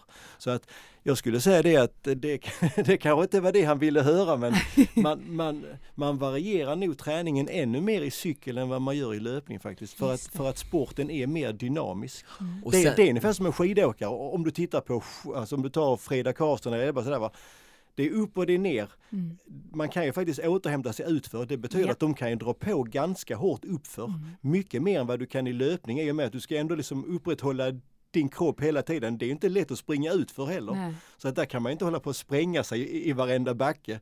Tar du, det, det är nu många som har sprängt sig upp till Göteborgs, alltså, till, eh, till Älvsborgsbron på Ja. Göteborgsvarvet och sen går det utför liksom. Ja men verkligen. Ja, och här, jag vill flika in lite, jag har jättemycket att säga om detta på att säga, men jag försöker hålla mig kortfattad. Men jag tror också att hans uppfattning bygger också mycket på vad han har fått kunskap, in, alltså inspiration ifrån. Mm. Men grundläggande så tycker jag ju att cykel och löpning och skidåkning är väldigt lika om vi ska se Sen är det, först måste vi skilja på motionärsidrott och sån elitidrott. Ja. Men vi säger egentligen grundmässigt sådär, du har distansträning och sen har du tröskelträning och sen har du nu ska vässa motorn då upp i det taket liksom med korta hårda intervaller. De tre har ju alla. Ehm, så det är ju likt. Och sen 4 gånger 10 minuter liksom tröskel med tre minuters vila är ju ett av de mest uppskattade och vanliga tröskelpassen både från löpares sida, för som kanske springer 4 gånger 3 km då eller 4 gånger 4 km kanske som en halvmaratonlöpare för att få 10 minuter. Och sen har du samma sak på cykel, de gör gärna 4 gånger 10 och jag vet Charlotte Kallas favoritpass det är 4 gånger 10 minuter i olika former liksom. Ehm, så, så där är de ju faktiskt väldigt lika. Sen är det så här 2 gånger 20 minuter vet jag också att det är en väldigt klassisk cykel för att det är som eh, cykelintervall men den intervallen är inte alls något fel att köra löpning heller mer än att den är så jädra jobb, alltså löpningen på något sätt ibland lite jobbigare än cykel kan Ja. jag uppleva och därför blir det inte så många som gör det här riktigt tuffa jobba intervallen. Men frågar du Charlotta Fogberg eller Mustafa Mohamed de kan ju köra 2 gånger 20 eller 4 gånger 20 i ett långt ma- maratonpass för att få liksom tävlingsanpassning och sådär. Så att jag skulle säga att de sporterna är ganska lika och bygger på samma typ av principer. Du har en bas distansträning som är 80-90% av träningen och sen har du en, en, en tröskel liksom för att träna uthållighet och sen har du den här liksom sista zonen liksom för att verkligen eh, öka syreupptaget och, och liksom kapaciteten. Däremot kan man säga som summering om det är så att den här eh, som frågar upplever att att, att den mesta cykelträningen är, är, är ganska, alltså att den är enkel, att det är mest 2 gånger 20 och så vidare. Då, då, då, då ska han ju börja träna lite mer annorlunda. Ja, ja. Och lite mer för- alternativt. då. Ja, för, Mm. för att det, det, det blir alltså, man utvecklar sig inte tillräckligt mycket om man bara ligger och kör 20 minuter och sådär. Och det kan jag säga, det är inte ovanligt att cyklister stirrar sig blinda just på på vad de kan göra på 20 minuter för att det här FTP-testet som är liksom 20 minuter all out för att bestämma träningszoner. Bara för att det har blivit liksom ett, liksom ett sätt att styra Mm. träning. Då, då har liksom folk stirrat, stirrat sig blinda på det. Men cykel, alltså du, du kan vara otroligt bra i cykel fast att du inte har liksom det bästa FTP-värdet.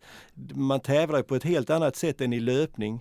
Det finns alltså ingen anledning att du ska vara bäst just på en timmes tempo i cykel. Det kan hända att din specialitet är att ligga gång på gång över tröskel och så får du små konstpauser hela tiden.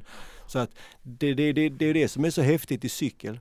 Att det finns ju de som är bra på att köra lagtempo jättesnabbt fast att de har en låg tröskel. Det finns de som är bra på att spurta fast de har en låg tröskel.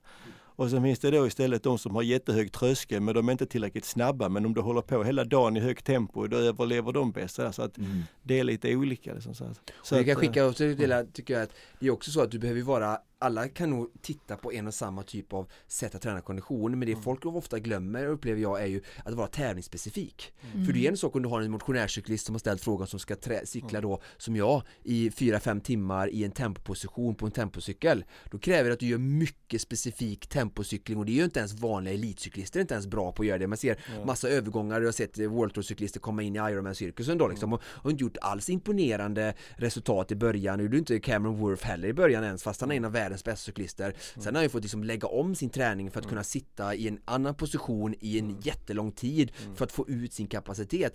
Så sen kan det vara motionärer som cyklar Vättern. Ja men då, de flesta cyklar Vättern på lite typ av, mot, alltså på högre typ av målsättningar. Då är de ju med i en cykelgrupp och då är det mycket så här liksom spikar liksom i wattfilen liksom där du ska framåt om förning och sen är det lugnt igen och så, så när du kommer längst bak så ska du med igen in i rotationen och får du trycka på igen. Det är väldigt upp och ner. Att kunna träna den typen av träning också sitta på Monark en timme och lägga in korta 30, 40, 60 sekunders liksom tryck och sen ner på någon typ av distans lite högre liksom mm. Eh, tröskel och sen upp igen. Så att min, det jag skickar ut bara är så här liksom att vara lite, det är ju, alltså cykling är ju en grundträning att bli bättre cyklist men sen den här an, sista delen liksom att bli tävlingsspecifik, att förbereda Just kroppen på vad är det för typ av cykeltävling, cykelmoment jag ska genomföra mm. och det är som sagt, du tränar olika mot 5 km mot att göra Göteborgsvarv, också, att vara specifik är ju också en del. Det är ju det som är den största skillnaden om man tar löpning och cykel, om du tar liksom, även om det, oavsett om det är mountainbike eller landsväg. Den stora skillnaden jämfört med löpning, det är att du har otroligt mycket korta eh, som pikar långt över tröskel där du får liksom någon blandning av VO2 max och, och mjölksyra. Mm. Och det finns ju i stort sett inte i, i motionslöpning och du behöver inte träna det heller. Men det måste man ha i cykel. Sen är det klart att det är, ju, det är ju jag som tränare som, jag ska inte krångla till saker i onödan. Nej. Man kan ju skriva program till en person utan att det ska bli för rörigt. Ja, ja. Det handlar egentligen bara om att ta lite rullande terräng och så gasar du som fan i varenda backe. Så, så, har man löst det. Så, så gör jag själv. Men, men, men, det är ju kanske inte det vanligaste passet om man ska pejsa sig på en mara. Att, gå ut och springa kuperat och så spurta i varje backe. Men, men, men vi har en fråga som mm. berör lite grann av det. Eh, eh, det är en av våra lyssnare som har skrivit, eh, nu har, har den här lyssnaren inte, inte eh, eh, varit grenspecifik. Jag misstänker dock att det rör sig om cykling, cykling eftersom frågan är ställd till dig Mattias. Eh, distanspass med inslag av intervaller under grundträningen, bra eller dåligt? Det var en väldigt bra specifik fråga. Så ja. Det är en som har verkligen tänkt efter och liksom säkert tränat ganska mycket med. Jag kan säga, jag brukar göra så här att först tränar jag på att kunna köra lugnt och långt innan jag funderar på att lägga in intervaller på de långa passen. Mm. Men en gång i månaden är det aldrig fel att liksom skaka om kroppen lite. Inte under första uppbyggnadsmånaden. Låt oss säga att du vilar hela oktober, det är typiskt mm. för cykel. Så börjar man träna i, i november. I november, december behöver du aldrig tänka på någonting. Du behöver inte ha viloveckor, du bara tränar på så blir du bättre. Och du ska aldrig ligga så pass nära gränsen att du är för trött heller, utan du bara tränar på. Men någon gång i januari och framåt, för den som är lite mer seriös, så börjar man, man bli så pass bra att det krävs mer och mer för att reta kroppen. Och då mm. kan man ha en vecka i månaden då man liksom får sig en liten extra käftsmäll. Och då kan man mycket väl lägga in intervaller på, de, på det långa passet också. Mm. Men annars är det ju en sak som är mest förbehållet väldigt nära säsongen. Just det. För det är det, det är det som är slutmålet. Mm. En cyklist tränar ju korta hårda pass, alltså fram, framförallt på sin, eh, på sin trainer. Mm. Och sen så går han ut på helgen och så cyklar han sitt, sitt långpass. Men någonstans så, så ska ju det här mötas. Mm. Man vill kunna köra långt och hårt. Inte lugnt och långt eller kort och hårt utan man vill köra långt och hårt. Ja, just Och, det. och, och, och, och, och de ska ju mötas så småningom och det kan man börja sakta men säkert redan i januari om man skulle vilja eh, någon gång och sen så ökas det på efterhand. Mm. Och för den som ska köra Vättern, då kan man ju säga, ska du köra fort på Vättern, när du kommer in i april, då ska du redan kunna köra fem timmar lugnt. För att sen ska du börja köra intervaller på långpasset. Mm. Den som inte har tränat långt kommer i april och först måste lära sig att, att orka köra fem timmar lugnt. Han hinner ju knappt köra hårt på långpassen innan det är Vättern. Så att det är som, men om du bara är en helt vanlig motionär och du ska bara överleva Vättern utan att liksom vara ohälsosam, Ja. då spelar detta absolut ingen roll. Då räcker det att bara köra lite kortare för att det är trevligt på en tisdagkväll och, och, få lite flås. Det är ofta Ja. rätt så skönt med ju. En, en härlig kväll och så bara ut och liksom bara, bara köra och det spritter i kroppen. Och sen så tar man helgen till att köra längre och längre och längre. Behöver aldrig kombinera långt och hårt. Just det. Utan det är bara för snabbcyklisterna. Mm. Det där med att ta helgen till. Vi har en fråga som har kommit in från en av våra lyssnare och jag vill bara i förväg credda ärligheten i den här frågan. Eh, eh, det är Marcus som har skrivit Hur tränar man uthållighet när man har begränsat med tid? Går det? Vad är effektivast? Ja, då, då, om man ska börja ganska enkelt så kan man säga all form av träning hjälper nästan allting. Det betyder att om du går ut och, och cyklar lugnt, då får du faktiskt effekt på hjärtat med. Även om det man tänker på mest när man tänker på att få ett starkt hjärta, det är att köra hårda intervaller. Mm. Och omvänt är det så med. Om du kör korta hårda intervaller, då blir du faktiskt bättre på uthållighet också. Så att ett väldigt enkelt svar är att bara man liksom tränar på så blir man faktiskt bättre både på lite korta hårda grejer och du får också lite mera uthållighet. Mm. Men du förstår ju att han är nu ute efter lite mera grejer än, än att det bara är kul att röra sig. Va? Ja, det så, känns att, så. så att om jag ska svara lite mer så kan man säga så här. Man blir faktiskt ganska uthållig om man lägger sig och liksom kör i det här gnettempot i, i, i en timme eller två. Och det finns ingen Och när du säger gnettempo, vad är det högre då? distanstempo Ja, i precis. cykel. Och det finns, ganska, det finns ganska många svenska, det finns ju en gammal känd cykeltränare i Sverige, Nicke Velin Berger. Han kan verkligen, eh, han kan verkligen nämnas vid namn för han har påverkat ganska mycket. Hans, hans in, alltså den passar ju väldigt bra till en svensk vi- vinter med och det är jättemånga gamla bra cyklister som har blivit proffs och allting på hans träning. Det var väldigt mycket tröskelintervaller hela vintern och så lite mindre mängd. Och sen så tog man mängden på träningsläger och, och när våren kommer. Mm. Och de har blivit otroligt duktiga. Och, och, och ibland så undrar proffs utomlands, hur kan man bli så bra i Sverige på att sitta, på att sitta och gneta så, så mycket korta tröskelpass på, på, på eh, alltså på, eh, på, på Okej. inomhuscyklar här i Sverige då va. Men det funkar ganska bra. Han hade ju nio ettor, som du säger nio ettor, då vet alla cyklister vad man pratar om. Det är Nicke där. Nio ettor, det kunde vara tre, fyra pass i veckan. Inte mer än en timme långa. I- Och nio ettor för den Nio som minuter inte... arbete, Ja. en minut vila och Ja. så lite gnettempo då. Och, och det, är det, då kan man inte spränga sig. Så de här är inte jättehårda. För om du kör nio och vilar en, då är det ganska kontrollerade trösklar. Om du är pigg en dag är lite hårdare, om du är lite seg är lite lugnare. Och det, det ger ganska bra uthållighet det också. Sen kan det vara bra att veta, man behöver absolut inte köra de längre passen i ett streck. I- Det är i alla fall så, finns det en skillnad så är den väldigt, väldigt liten. De gångerna man har försökt att testa detta så märker man ingen skillnad. Så att om det är så att man kan cykla till stugan på morgonen och cyklar man hem på kvällen. Man kan köra en liten extra sväng när man ska hem från jobbet och mata på. Va? Ja. Att den tiden hjälper också, som du kan små, små duttar här och där hjälper också. Det behöver liksom inte vara att man måste köra fyra timmar på ett streck. Så Det jag, kan jag kan skicka med är ju bra att eh, fler pass eh, mot hans vänner, Mm. fast kanske kortare då, Ja. för att han just inte kanske hinner hitta de här Mm. eh, två, tre, fyra timmars liksom luckorna till träning, Exakt. vilket jag tolkar frågan som. Mm. Och sen kanske lite mer som Mattias säger att några av de här lugna passen byts ut mot lite gnetpass. Ja. För eftersom han tränar mindre volym kanske då mot någon som han jämför sig med, eftersom han ställer frågan att hur kan jag göra om? Då kanske han kan köra lite mer de här mellanmjölkspassen som Ja. den som kör mer periodiserad och polariserad träning inte ska göra så mycket av Ja. för att han har kanske, eller hon har mer lugn distans, Mm. liksom, eh, regelkorrekt tröskel och VO2max så att de som lyssnar på detta som kör kanske lite mer mängd inte använder detta också Mm. Nej. utan det här blir ju lite liksom kompromiss att Ja. jag har inte Ja. så mycket tid, inte så, jag kanske bara har 75 minuter max Mm. ja, men kör hög kontinuitet, många pass korta Mm. och så blanda lite distans, gnetande och sen lite tuffa intervaller så kommer det som Mattias säger, liksom att bara du får kontinuitet i träningen så kommer du bygga både hjärta och uthållighet. Det som är bra med den sitsen att man inte har så mycket tid är att man kan inte göra så himla fel. Alltså det som jag sa innan, om du tränar tre dagar i veckan kan, kan du nästan liksom, det Ja. gör ju inte om du tränar ganska hårt. Nej. Ju mer du tränar, ju mer kostar det att göra fel. Ja. Och ju mer lättare här- är det fel. Ja, så att det, det är faktiskt, på ett sätt så är han säkert lite frustrerad att han inte kan träna lika mycket som sina vänner. Men å andra sidan då är det inte någon, det är liksom ingen knivskarp ägg heller där han kan Nej. göra fel. Och bli skadad eller annat. Det skulle väl, väl, väl mest vara att, att han inte har tid att återhämta sig för att varenda lilla tid han, han har över ska han träna. Så det ska han väl tänka på i så fall.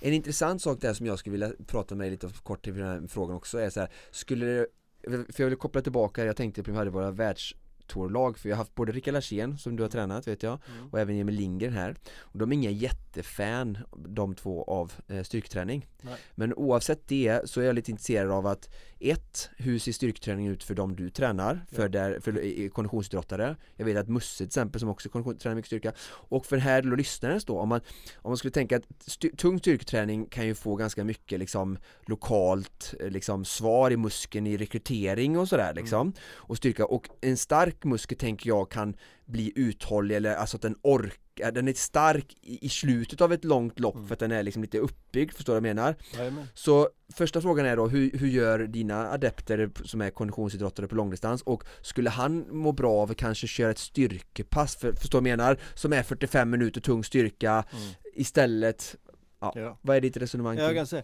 eh, det har ju forskats ganska mycket på det och under lång tid så, så visste man ju inte i och med att de är ju sina ytterligheter. Mm, Mm. Om man tänker, alltså kondition och styrka det är en sak. Eh, Mm. här, Kondition är en sak och styrka är en annan. Ja. Så att om man skulle föra över knäböj i, i, i löpning eller cykel så är det som att hålla på med knäböj halva dagen va. ja, Och det blir inte mycket vikter på, på en stång om du ska köra så, så, så mycket knäböj. Så att de är verkligen varandras ytterligheter. Eh, Däremot så idag finns det nästan ingen tvekan att all forskning säger att styrketräning är lite tyngre och så gärna med lite högre hastighet. Att den är bra. Den är bra både för en spurtare, alltså anaerob, men den är också bra för uthållighet. En starkare det. muskel tåler högre fart innan den behöver liksom, Ja. innan den börjar sura ner sig. Ja. Och dessutom så finns det nog liksom en, en ganska starka incitament som säger att om du styrketränar i slutet på ett pass då, då, då, då kan du härda ditt nervsystem så att det är uthålligare. Precis. Och allting handlar ju om att kunna ge signaler till musklerna att de ska kontraktera. Det här var ju väldigt intressant. Vad sa du? Exakt så. Att träna styrka i slutet av Jajamän. sitt pass då för Ja. att härda muskeln. Ah. Så, så att vi, vi har ofta två typer av pass. Ett pass där, där de är pigga och fräscha Ja. för att verkligen liksom att de ska bli starka och explosiva. Och så har vi ett pass som de kan ta. De är ute i fem timmar och cyklar. Ah. Och sen så direkt bara byter skor till, eh, till sina gympadojor eller vad de Ja, har. ja, Och sen så går man in och så kör man lite bara specifika i i det här fallet kanske benpress eller, ja. eller knäböj. Mm. Och det har visat sig att det är bra för uthålligheten också och nervsystemet Ah. kan bli trött. Många tror ju att de alltid har energibrist om de plötsligt inte orkar upprätthålla farten. Ah. Men det behöver inte alls bero på energi utan det kan vara att nervsystemet inte orkar. Det. Det får inte tillräckligt Kopplingen mycket inte- Det var signaler. någon kräm som tog slut där, de sista Ja på jag har, jag har, jag, det var precis det här jag ville få fram för jag vet att jag och Mattias delar denna insikten och jag gör det själv i min träning Ja. och det var också lite det här liksom tipset jag ville nå fram till vår lyssnarfråga från Mattias så Ja. att eh, jag håller helt med Ja. Och, men, men sen kan jag också säga så här att det, eh, om, vi, om jag tränar 10 proffs så är det tre, fyra stycken där jag är helt säker att styrketräning har hjälpt. Ja. Vi kan, vi, vi kan verkligen se att om de har den så kan de spurta 100 watt mer. Mm. När vi tar bort det så sjunker den. Och sen har vi några där det är tveksamt och sen, har, vi, och, och sen så, har vi, så har vi vissa där vi inte vet. Och det har ändå blivit så att även om forskningen visar att det hjälper en person som är väldigt, väldigt vältränad och har styrketränat flera år, där tror jag verkligen att man kan minska ner på det. Alltså, du, har liksom, du behöver inte bli starkare än en viss styrka. Nej, just det. Och, och, att sen lägga ner en massa tid på gymmet om Mm. inte det är så. Men det kan man inte, det, det kan man inte, det vet man inte förrän man har testat det. Nej. Nej. Man kan Så- inte generalisera Nej, De det- heller. flesta av våra det- lyssnare det har man nog inte. inte, tränat Nej. så mycket Nej. styrketräning som kanske elitaktiva har gjort Nej. genom sin karriär. Så för dem skulle jag nästan Mm. säga att det nästan Ja. uteslutande Ja. kan ge någon typ av effekt. Men och då- det är men väldigt ja. tidseffektiv. Men då kommer ni, ja det, det, är där, det är det stora kruxet som tränare. Alltså om du kan träna fyra dagar i veckan, ungefär en, en och en halv Ja. timme eller sådär. Var ska, Ska du jag lägga din tid? Ja. Och det, jag jag är inte alls säker på, alltså det beror på om det är lätt att komma till ett gym. Eller om du kan ha lite grejer hemma. Mm. Att börja hoppa, spänsthopp och sånt tror jag kan vara ett, Jättebra. ett, ett jättebra sätt Mm. att, att slippa liksom ta den här onödiga ställtiden och ta sig till det. ett gym. Ja. Jag För vet tio ja. övningar på Instagram där. Ja, titta där. Ja, det är Sådär, va? styrka Så på att läppare. där får man försöka liksom verkligen klura. Ja. Det får inte ta så mycket tid och så ska du Mm. ändå bli lite starkare. nej. Och sen så får man liksom inte tro att nu har jag läst forskning att jag kommer att bli mycket starkare och allting är styrketränare. Man- Det är inte säkert att det gör jättestor skillnad. Mm. Sådär va? Och sen lite som vi inne förut, de ska ju också periodisera. Att de Mm. kör kanske, ta den sig den tiden av fyra pass tre, fyra månader vintern och sen ingen utan de bara tränar som du säger specifikt sen och inte ta sig den tiden när de närmar sig säsong. Mm. De kan ju också periodisera menar jag sina träningar. Men apropå det här med nervsystemet och sånt, man vet ju inte exakt varför men det är väldigt intressant. Den största skillnaden mellan eh, de bästa proffsen och de proffsen som kanske är typ B-laget eller om du kommer eh, som U23 det är, det är inte vad du orkar i, i liksom peak power när du är pigg. När vi har unga Nej, talanger som kommer då kan de ha lika bra värden på en timme. Alltså fem minuter, en minut, 15, 10 minuter. ja. Då kan de ha lika bra.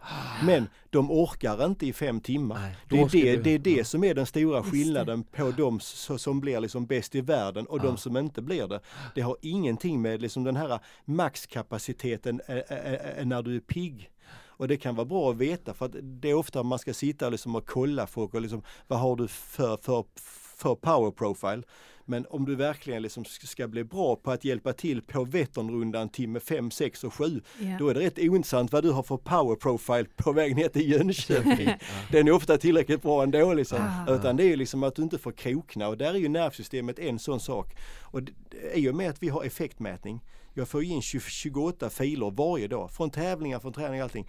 Vi ser ju allt som händer. Men däremot så vet man ju fortfarande inte exakt varför vissa kroknar mer än andra. För ibland är det svårt att se liksom historia med hur man har tränat. Så här, va. Men det är, ju, det är ju den stora frågan idag. Hur, hur gör man så att du blir bättre sista timmen och så tränar alla hyfsat lika men ändå är det så att, att, vissa är bättre än andra liksom. och, och, och, då undrar ju B-laget vad ska jag göra för att komma med i A-laget?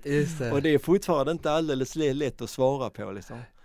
Så det, det är sådana grejer som uthållighetstränare som jag sitter med. Och det är väl samma sak om vi tar i maraton. Vad är det som gör att Kipchoge orkar hålla det tempot Ja. i två timmar Och inte annan. krokna efter 1.30? Mm.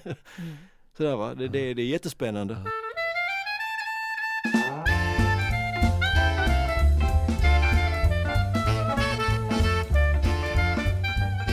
Det har kommit fler frågor, eh, Oskar. Ja, absolut. Eh, jag har eh, ehm, två här, eh, ska vi se här. Först då, eh, om man som småbarnsförälder får loss 67 träningstimmar i veckan men inget pass längre än två timmar, hur ska man lägga upp passen inom cykling med välhändsliga Jens? Det har vi nästan eh, Mm. svarat på ju, Mm. eh, så Jens har ju nästan fått svar, men ska vi han är verkligen specifik cyklist men, Men, men då för, för, för att knyta an till det som vi sa innan, det är det här man klarar sig ganska bra på på gnettempo och, och Ja. det betyder för en cyklist zon 3-4, alltså runt tröskel, där under sweet spot och sådär. ja, Två timmar, det är ändå rätt okej alltså. Det är bara i cykel som man är lite miljöskadad och tycker två timmar är kort. Men det är inte så himla kort om man ligger på lite grann. Och sen, för att knyta an till, till den förra med som inte vi sa. Den gången du lyckas få till någon punktinsats med lite mer timmar så ska du ta chansen. Ett litet miniträningsläger, en extra röd dag när du kan cykla till stugan. Alltså även e- e- e- elitcyklister i Sverige, det är vår värld också, att man, att man måste cykla till ett släck påskkalas, man måste cykla till stugan. Va? Ja. Men man får göra det liksom de gångerna det är möjligt utan att det stressar för mycket. Liksom. Ja. Men sex timmar är inte lite och två timmar är inte jättekort. Nej, nej. Bra, jag, ta, jag hade en till här, eh, ska vi se här. Ehm, Fick inte plats med frågan till Mattias på Instagram som ställer den här istället. Eh, Hur skiljer du på träningsupplägg beroende på vilken distans man kör? Du tränar ju olika personer där tävlingsformen skiljer sig från dem som tävlar en timme på en halvmara till World Tour-lag inom cykling där en tävling kan pågå i tre veckor. Fördelningen tid och intensitet på intervall och distanspass Sen så är du tränare för Trek på landsväg. Är du med och hjälper Trek Factory Racing Team på MTB? Man skulle spontant tro att du har bra inputs till distanspassen. Ja, det var ju kul, men- men jag, jag, jag, jag, det, det, kan, det kan inte finnas någon i Sverige som har så mycket insyn i effektfiler för proffs och då gäller det även liksom om vi nu tar Jolanda Neff till exempel sådär va. Nu tränar inte jag henne men jag säger bara som att för hon var ändå med i vårt lag för något år sedan men nu satsar hon ju verkligen helt och hållet inför OS bara på mountainbike. Men det är klart att jag har otroligt mycket data, det ingår i, i jobbet na- naturligtvis och efter 7-8 år så har du ju liksom, det är som sagt det är 28 filer varje dag i, i dubbla lag och så känner man andra tränare och man pratar och grejer sådär va. Men, men eh, jag har ingenting med eh, Trek Factory mountainbike att göra. Det har jag inte. Ehm, Man kan börja med att säga så här, oavsett vilken konditionsidrott som man jobbar med så är faktiskt, det har, det har gjorts undersökningar på det här med, så, så kan man säga att nästan alla tränar ungefär likadant när det gäller relationen lugn och hård träning. Det. Om det är någonstans kring 80% lugnt och 20% hårt för de som tränar lite mindre. Och, och med lite mindre så skulle man kanske kunna säga liksom att, att de som tränar mest men ändå är elit kanske är 600-650 timmar och de som tränar mest är kanske uppe på 1100. Tränar man över 800-900 timmar då är alltid relationen snarare 90-10. Ja. Det är väldigt lite skillnad i intervalltid. Mm. Så att, att det är 80-20 för en och 90-10 på den andra, det är bara för att den andra tränar mer mängd. Ja. Det kan till och med vara 95-5 för den som tränar jättemycket. Mm. När du kommer in på Skara cykelgymnasium som 15-åring och, och, och, och när du ploppar ut som 19-åring, den största skillnaden, det är inte det du gör i intervaller på tisdag och torsdag, utan det är den här mängden Mm, som liksom ökar. ändrar relationen 80-20 till, till 90-10. Antal timmar beror mer på hur mycket idrotten sliter. Ja. Det går inte att springa 1100 timmar. Det är omöjligt. Möjligt, ja. Nej, det, det är inte omöjligt. Nej, nej. Det finns ju de som springer jättemycket. Men överlag så, så springer man lite mindre. De ligger Det- runt 20-22 mil de bästa kanske och det tar ju kanske 18-16 Ja. timmar för dem. Och så finns det vissa extrema som ibland är uppe i, på 30 mil och så vidare. Men menar överlag sådär. Det som jag tycker är mest imponerande det är ju när man hör simmare. Mm. Nu är jag väldigt dålig på att simma och har- svårt att liksom bara liksom frikoppla eh, hjärnan och Ja. jag tycker tiden går så långsamt. Men tänk dig liksom att att ligga och simma i en bassäng Ah. Och så är det över tusen timmar om året. Mm. Det är ju otroligt imponerande och, och, och, och de tävlar ju liksom sällan över några, några minuter och ändå sådana otroliga mängder. Ja. Så att, ö- överlag brukar det vara så att på den här högsta nivån, det finns alltid lite undantag, men det är ganska mycket total tid. Och det kan vi säga också, när jag kollar på Karle Berglund som tävlar på 1500 och Ja. de här kortdistanserna De tränar ju också 20-22 mil nästan, eh, ja, beroende på vecka Precis. och sådär eh, om året och det är ju bara så att i- inom elitidrott så är det volym Ja. Ja. som gäller om du ska kunna Ja. liksom och då är det väl det här liksom som Björn Borg också du vet 10 000 han Ja. slog mot sitt eh, garageport liksom med tennisbollen och, så bara, och nervsystem Ja. som vi varit inne på med styrketräning att bara upprepa rörelserna och kroppen anpassar sig liksom i volymen liksom Ja, och, och, även om du skulle, alltså, och även om det är så att den här 10, 10, 10 000 timmar, den är ju ganska hårt kritiserad för det finns ju de som kommer fram mycket tidigare än så. Ja.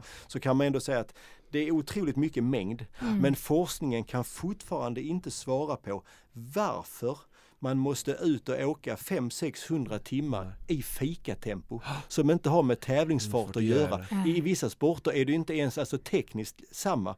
Men det är någonting som gör att kroppen svarar bättre på den hårda träningen sen när man genomför det här. Det. Så att den är jättesvår. Alltså, det, det, går ju, ah, ah, ah, det går ju att förklara varför man ska köra distanspass men kanske inte varför man ska köra 80% av 1000 timmar. Det är väldigt mycket va. Och det är fortfarande sån här nöt att knäcka. Liksom, eh, praxis är det lättare liksom, att och, och se det.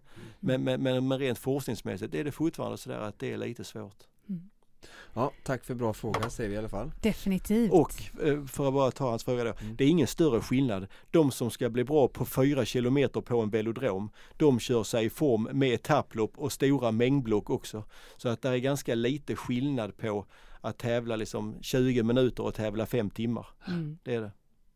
Det är bara att ta, eh, om du tar, eh, det finns ett par världsmästare på bana, fyra minuter som har vunnit Tour de France. Ja, ja. Eller så väldigt bra så är de liksom, som att ta, det är ju Bradley Wiggins är ett exempel. Det, det tog ju några år men det är inte, det är väldigt lite skillnad. Och de som är bäst i världen nu i cykel, de är ju cykelcrossåkare samtidigt på Ja. vintern och är bäst i världen på en timme. Och sen är de bäst i världen på fem sex timmar också. Ja. Så. Vad heter det? Nu har vi pratat mycket wattfiler och sånt där och vi har ju med oss faktiskt våra eh, datorer. Du, både du och jag har ju Wahoo. Jajamän, Och- utrustning är viktigt. Ja precis och vi, och vi har ju pratat mycket om det och framförallt cykelsporten har ju verkligen gjort ett steg som vi sa där just i att eh, kunna få mer teknisk liksom, eh, och även motionärerna nu kunna Ja. få wattfiler och kunna analysera för att kunna träna mer liksom, strukturerat och sådär. Eh, Och, och och, och, och det kan jag ta som exempel. När jag nu har börjat jobba eh, i skidsporten, i och med att de bara har mer eller mindre puls att gå på, så är inte de vana vid att ha sådana här avancerade plattformar. Just det. Ja, just det. Som vi, är, utan de är ofta bara vana vid att, att om de har eh, en pulsklocka, då går man in och så tittar man i deras mjukvara. Men de är verkligen inte gjorda för att analysera saker.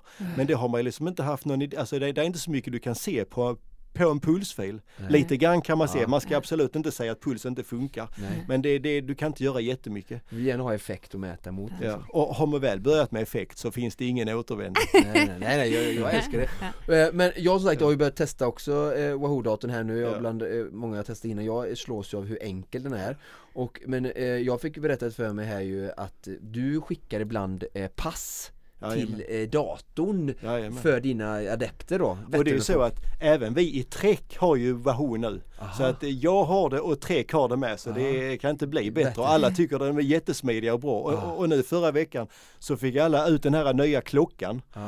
Och jag har fortfarande alltså 48% batteritid och jag har inte laddat den på en vecka. Just det. Och det är banne mig- är banne- Och det världen. kan jag säga, det är banne mig en viktig parameter. Hur länge håller cykeldatorn skulle du säga?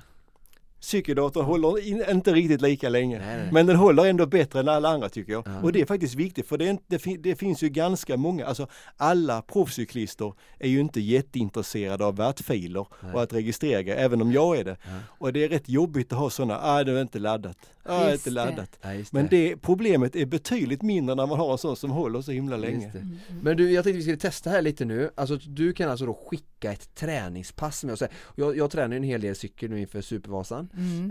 Eh, vad, kan du prova att skicka ett pass till mig här nu så jag får se i Jajamän. datorn? Mm. Det är ju så. Sitter där alltså Jajamän. Mattias och Oskar med varsin sån liten minidator här inne i studion. Och skickar du det från datorn eller? det visar ju faktiskt också att alltså, det är ju så, i och med att mitt jobb är ju så här, om vi tar det som sker utomlands. Spelar man fotboll i IFK Göteborg då förväntar sig alla att man bor någonstans runt Göteborg i alla Just fall. Ja, ja. Men så är det inte i proffscykling utan alla bor ju hemma. Ja. Och det betyder att jag kan också bo hemma för att det finns ingenstans jag kan flytta där alla är. Nej. Och det betyder ju att och så har man ett stort lag, sex sportdirektörer, det är tre, fyra läkare, ett par tränare. Så va? Och bara att få alla, liksom rätt person ska ha rätt information hela tiden. Mm, mm. Så man sitter ju med alla möjliga nya tekniska lösningar. går. Och utan de här bra cykeldatorerna, Ja. e- effektmätning, de här plattformarna som till exempel nu, vi, har, vi jobbar med Today's Plan, det är det jag har i mitt företag också. Då, då sitter jag och så kan jag liksom kommunicera där, jag kan se exakt hur de har tränat, var de är. Det är inte heller dumt att veta var de är, för ibland så ser de inte att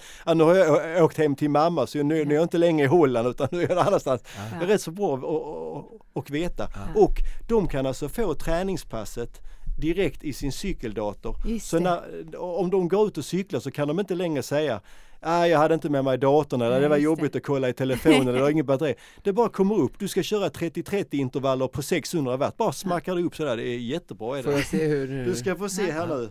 Så ska Skickar du vi, iväg här nu? och, och det, det använder man ju med Allting finns ju i app i telefon så att det har jag märkt. Jag som tränare jobbar alltid på datorn. Mm. Men cyklisterna de, de sitter ju alltid i appen. Just Så, det. så, så att därför är det bra. Men du kan skicka passet från appen då? Jag kan skicka Ja. det från appen. Så våra, eh, våra användare då som lyssnar på detta och skulle ha en dator själv men som inte har en sån eh, grym tränare som du eh, De kan då sk- skapa ett pass då som de har ja, fått tag på eller skapat eh, på något sätt och så Mm. skickar de det från sin app då De skapar passet till exempel som du sa 3030 och så skickar de det från sin app till sin Precis, Ja. och då ser det ut så här. Du ser, då kommer det upp där nere som en sån snygg graf precis som på ett spinningpass. Just ja, ja, ja. Och så bara tickar det ner. Nu är det två, en, två, tre sekunder, pang, dra igång och så står det precis vilken kadens, hur lång är intervallen, vilken effekt ska jag hålla. Så är det, det, det är Just det, nu väldigt står det intervall här 10, ja, så står det intervall 1 av 57 Du ska köra Ja. på alltså. Det är för att det är väldigt mycket motorikspurter på slutet. Just det, just det, just Så det här passet, det, det var att man skulle köra, det här skulle säkert triatleter gilla. Det är en massa pyramider med sweet spot. Då ligger man strax under tröskeln så här 6, 8, 10, 10, 8, 6. Ja. Och sen i slutet när man börjar bli lite mosig, då ska man tempoväxla varje hel och halv mi- minut och spinna loss benen. Det bränner lite gott när man är lite mosig redan. Det. Det är bra Men- träning för nervsystemet om inte annat. Men, men skulle, du, skulle, du, skulle du rekommendera att ehm, eh, även motionärer som, som gör men som ska köra ja, ett distanspass och lägga in kanske 2x20 eller 4x10 eller något annat interv- intervaller eh, att de då skapar passen i appen Jajamän. och så skickar till sig själva Ja. då? Och eh, inte nog med det att du kan skapa dem själv. Du kan även få, till exempel eh, Wahoo jobbar ju med Team Ineos, det är ju världens bästa lag. Ja. Tyvärr måste jag säga det att Trek inte alltså, Jo på damsidan vann vi rankingen Just förra året. det, just Men det. det, det är rätt så häftigt för att de har ju även så man kan testa på lite pass. Så du kan skicka pass till dig själv som man använder i Team Ineos, olika typer av tester och sånt. Så jag tycker det är, det är jättesmidigt och bra. För annars så blir det så att man är ute och hojar så måste man ta upp sin telefon och så kolla eller skriva Ja. upp det på en lapp eller ta och klistra det på styrtappen. Men här är det direkt till cykeldatorn. Precis. eh, Och det är en sån grej som jag har suttit och klurat på. Hur ska man göra den dagen en skidåkare har effektmätning i stavar? För det har börjat utvecklas Ja, effektmätare i exakt. stavar. Och det är ju här i Göteborg, där är Skisens, där en av de som, som driver utvecklingen är en gammal cykelkompis. Eh, Men de har ju, jag har ju det på styret, Mm, mm. Men, men en skidåkare Men för där är vi inte riktigt ännu. Nej, vi är inte där än. Och, och, de, kan ju inte, de, de kan ju inte hugga med stavarna och samtidigt kolla på sin pulsklocka på armen. Så jag Nej, vet inte om man kanske det. kan få tag i glasögon så småningom när man när man kan se det det här finns ungefär. utvecklingspotential Ja, för? Wahoo här då. Men, men, men, men i cykel har man det otroligt bra att du kan Ja. liksom bara titta på din cykeldator hela tiden. Just det. Ja nu ska jag se, nu, har, nu ser jag faktiskt här, nu ser du också Mattias, här, nu har jag startat det här passet och står det target watt där uppe, 90 Titta Och där står det ja. intervall som rullar neråt då, Jajamän. eh, hur långt som är kvar på intervallen 4, 19, 4, 18, 4, 17 och Sen står det passet, som, eh, alltså helhetspasset är eh, 1.04 kvar då och sen står det intervall 1 av 12 Ja, grymt coolt alltså. Och så bara sitta och titta och, och du vet, borra ner huvudet i, i bocken och så titta. Och, och, och det vet ju alla att om man ska köra 3 gånger 10 med 30-15 eller något sånt, då Ja. tappar man ju räkningen efter sju på andra sättet. Just det.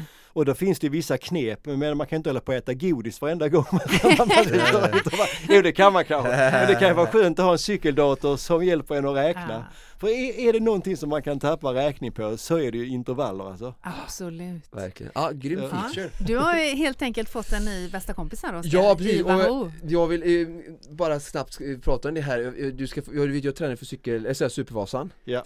Vad, Det är och imponerande, du är mycket mer allround än vad jag är va? Det, det är så jag ska bli nu. Jag tänkte på det förut, jag är också eh, ju tränare vid sidan av min eh, aktiva motionärsaktivitet och eh, jag eh, kan åka både skridskor och skidor Skridskor eh, också? Ja, så, och jag åker faktiskt väldigt mycket, jag gillar ju faktiskt, jag är ju, följer ju skridskoåkarna mycket och är imponerad liksom, och jag känner ju Mm. själv hur, hur bra skridskoaktiviteten är för att driva upp puls Mm. Så jag, du och jag som bor ganska nära varandra använder ju ofta särbanan och Jajamän. så kör jag alltså hårda intervaller på eh, alltså rullskid, alltså nej, eh, på inlines Mm. såna, Jag har köpt sådana riktiga speedskates då Ah. Så jag jagar ju liksom 10 km, jag tror jag har gjort eh, runt, ja, stra- under 22.30 i alla fall på milen, alltså Ja. snitt över 25 Ja. Och eh, det, det finns ju få saker som gör att jag får så mycket mjölksyra i benen och så hög puls Och det ser ju så mysigt ut, de som åker inline så här snyggt bara Ja, ja, Ja, ja, ja, ja, ja. Så att eh, både skidåkning och eh, inlines lär jag gärna dig Mm. Men Ja. eh, för, cykling är ju du lite bättre än mig på får vi ändå säga och eh, nu när jag tränar inför cykelvasan här nu så, eller supervasan Men cykelvasan är ju en del i supervasan Vad, Vi har pratat mycket om det här med liksom att vara specifik och sådär och Du pratar om att det, det, en riktigt bra eh, idrottare är ju bra, alltså cyklist är ju bra sista timmen Ja. Och Frida kommer ihåg hur jag var sista timmen på Supervasan, alltså mellan timme 17 och 18 Jag tänkte att det ska gå lite fortare det här året men när, när och var ska det här göras? Ja, nu är 6 det juni. 6 juni Sjätte i eh, juni. Mora, Sälen eh, igen då Och, och, och där sker allting Ja. på samma ställe? Så jag Ja. åker liksom rullskidor. fram och tillbaka, fram och tillbaka. Rullskidor eh, Ja. på asfalt och, och sen är det ju cykling på cykelvasan bakvänt och den är ju drygt 200 höjdmeter mer Ja. än den vanliga cykelvasan som går åt rätt håll då. Och sen springer jag tillbaka. Men vad, har du något liksom, eh, har du något tips till mig här nu? Eller något pass så jag är stark eh, den sista timmen? Eller så att min wattfil på löpningen ser bra ut sista timmen? Oh. Ja, det, du, du är ju så pass tränad och det räcker att följa dig så, så, så känner man sig att jag borde också skärpa till mig lite grann. Så det, det har jag väl inte riktigt. Däremot så kan jag säga, eh, även du har väl lite begränsat med tid. Ja, Och, och det kan ju vara ett tips till alla så här att, att den här personen som bara hade sex timmar och, och, och det enda långpasset kunde inte vara mer än två. Det har ju visat sig att om man i slutet på ett pass som ändå är mest gnettempo sådär Mm. och, och om man då liksom tar och, och, kör ganska tuffa stegringar eller långa spurter och sådär så har det visat sig ha väldigt bra effekt på uthållighet och, och man har så även sett att i löpning om du bara tar och ruschar riktigt hårt så får du bättre löpekonomi. Så att den här, den här incitamentet att liksom göra små ruscher, ganska hårda, så väldigt hårda egentligen, men de är rätt så korta. Det är någonting som, som jag tror att ganska många kan, kan införliva. Just. Självklart är det så att om du är elitlöpare på 1500 meter, då håller du på med det så Ja, det ja, ja. räcker. Ja. Men vanligt folk som mest håller på och gnetar och gnetar och gnetar. Nu säger, Och jag- nu säger, nu säger inte jag att du gnetar bara. Även om det är det du ska göra hela Ja, ja, dagen. ja. Men Men jag, sådana här jag, små grejer, det är liksom ett sätt att liksom tj- tj- tjäna det. Så du kanske kan, kan ge, du stimulerar kanske kroppen tre timmar fast att du bara körde två. Ja. Genom att du har de här små. I cykel brukar vi även göra så att precis i början på träningspasset så tar man 10 minuter lite hårdare bara Mm. för att liksom få igång kroppen, bränna bort lite kolhydrater och sen så går, man ner och, och, och så kör man lugnt. Och sen så tar man de här korta jättehårda intervallerna på slutet. Mm. Och då tror jag att det här två timmars passet, ja det är nästan tre. Nej, men absolut. Det är Och, och det, det. jag håller med och jag, jag har ju läst mycket detta och jag blev eh, inspirerad av dig för Mm. jag skriver oftast när jag gör de här intervallerna att det är alla räck för jag har blivit, fått mycket inspiration av dig jag vet att du har använt det både Mm. bland cyklister och, och även hos Max Novak Jajamän. och för mig är det, om vi går tillbaka till träningsläran och konditionsträning så är det så här träningsadaption. Mm. Det är ju det vi är någonstans är ute efter. Jajamän. Sen försöker vi stimulera kroppen på olika sätt och det är viktigt som du säger att vi till motionären som du sa så bra att vi behöver lära kroppen att stressa den på olika sätt. Mm. Många motionärer gör felet att de tränar samma, samma, samma och var därför var inte rädd att plocka in annan crossträning eller göra i andra intervaller och jag som coach försöker ofta jobba med det liksom att Mm. Liksom det, jag har samma grundtänk men Mm. jag försöker stressa deras kroppar på olika sätt för att de aldrig Ja. ska För kroppen är så bra på liksom att bara Nu är jag bra på detta Ja. och så stannar det och blir platå, vi måste, Mm. om vi vill utvecklas, ja Och idag körde jag ju de intervallerna också eh, som du, jag körde Precis. tre och en halv timmars Mm. distanspass och så avslutar jag sista 10 minuterna med 10 gånger 30-30 Otroligt på bra. 2.45 Kan inte bli bättre. Jag är så nöjd nu så vi får nästan Ja, ja, bra. Ja. Och, och, och jag sprang i 2.45 fart och Ja. jag skrev det liksom att jag, Ja. jag fattar inte hur folk springer 3000 meter i den farten Men det är en annan Mm. diskussion, en annan podd Men just då liksom att kroppen är ju så, var ju så nermälad, jag har kört ett ganska hårt pass Ja. eh, med lite tröskelinslag eh, under de här tre timmarna och så, så Kroppen är ju så nere i källan då och så när du kör den här eh, 30-30 som du pratar om, Mm. även för den här motionären som har kört 90 minuter i ett Mm. långpass någonting, Mm. att avsluta, för när kroppen är så lite så det ställs ju så stort krav på Mm. musklerna då att okej nu måste jag ännu mer anpassa mig för den höga Mm. belastningen och träningsadaptionen efteråt eh, blir ju med all säkerhet ännu större då liksom. Och sen det sista tipset, det skulle vara, det här kan ju du men, men till våra lyssnare. Man ska träna kroppen att ha ett högt kolhydratintag. För att det kommer inte helt av sig självt. Nej. Alltså även om inte du har några problem med magen eller sådär. Så man kan träna tarmen att ha ett effektivare uppdrag och du kan träna din kropp att, att utnyttja kolhydraterna effektivare och mer. Så att det ska man göra. Jag tryckte Mårten hela morgonen Eh, jättebra. och, och, och, och det är också vår rekommendation. Jag jobbar inte på, på Mårten utan en anledning, det är för att det är bäst. Ja. Och, men alltså det kan jag säga, det kräver alltså att man tänker på det för att man ska alltså dra i sig ungefär 100 gram i timmen, Men, ja. gärna 110 med.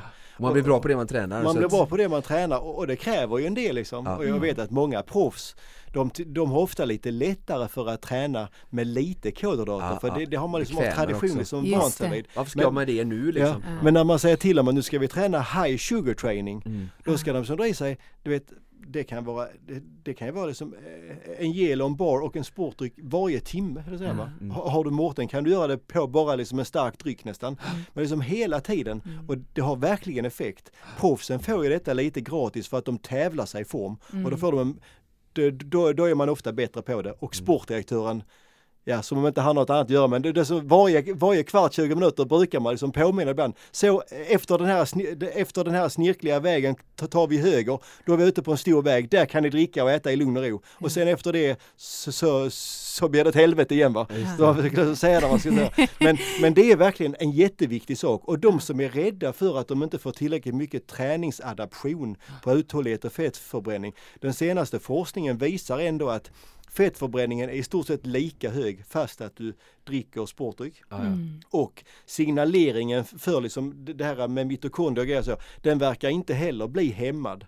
Och det är en sån här grej som jag också bett mina adepter att på långpass bara dricka vatten innan. Men efterhand som man märker liksom att det är stora risker med det och du ser ingen större skillnad och sådär. Va? Så vi har sakta men säkert minskat ner på det och nu kommer det, så det är allt svårare forskningsmässigt att hävda att det är bra och, och, och ger någonting att bara späka sig med vatten. Mm. Det är det det är alltså. Och, och då måste man som tränare verkligen liksom anpassa sig. Man kan liksom inte ha några sådana heliga kossor. Nej, nej. Utan då får man liksom börja anpassa Alltså sig. det känns som att det här, här har vi ett, ett avsnitt till alltså. ja, ja. Det, är, det finns många, ja, men det finns många eh, intressanta aspekter av nutrition och vi får ju ofta Ja, frågor det. på det. Ja. Eh, Så vi får kanske Mm. anledning Absolut, att ännu en gång återkomma. Eh, Vi kanske också får anledning att återkomma till, till när Supervasan närmar sig. Vem vet Ja, om vi vet. kan få lite mer specifika eh, juni. tips. Ja, Sjätte juni. precis. Ja, det är bra, gör en liten notering. Ja, det ska vi göra. Men du, vi har ju varit inne och pratat eh, mycket kring skidåkning och det kom ju så otroligt många frågor till oss. Så att än en gång säger vi till våra lyssnare att är det så att vi har missat några frågor så kontakta oss via sociala medier så ska vi vidarebefordra dem. Men Mattias, det kom flera frågor som var lite liknande så jag Mm. kommer ändå att ställa en till. Och den lyder, handen på hjärtat, vad hände med Halvarsson?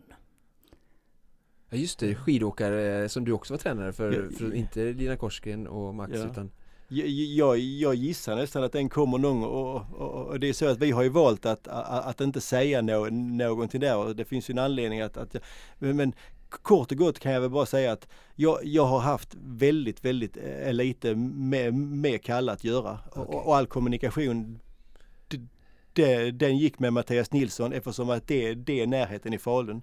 Och eh, allting flöt på bra ganska länge men sen efter han blev sjuk Mm. så, så, så, så, eh, så kan man säga liksom att kroppen svarar inte riktigt som den skulle. Så här, och, och, och eftersom att jag har varit- varit med väldigt lite och vi har liksom inte riktigt hunnit träna enligt det som, det som, det som jag står för, det som är mitt typiska, Mm. så, så, så har jag liksom inte så mycket att säga egentligen. det. Så att det, det, det, det här är nästan en fråga som man måste ställa till någon annan. Mm. Så att den här rubriksättningen så, så, som var där för någon vecka sedan, det, den är väl lite missvisande. Vad sa den då?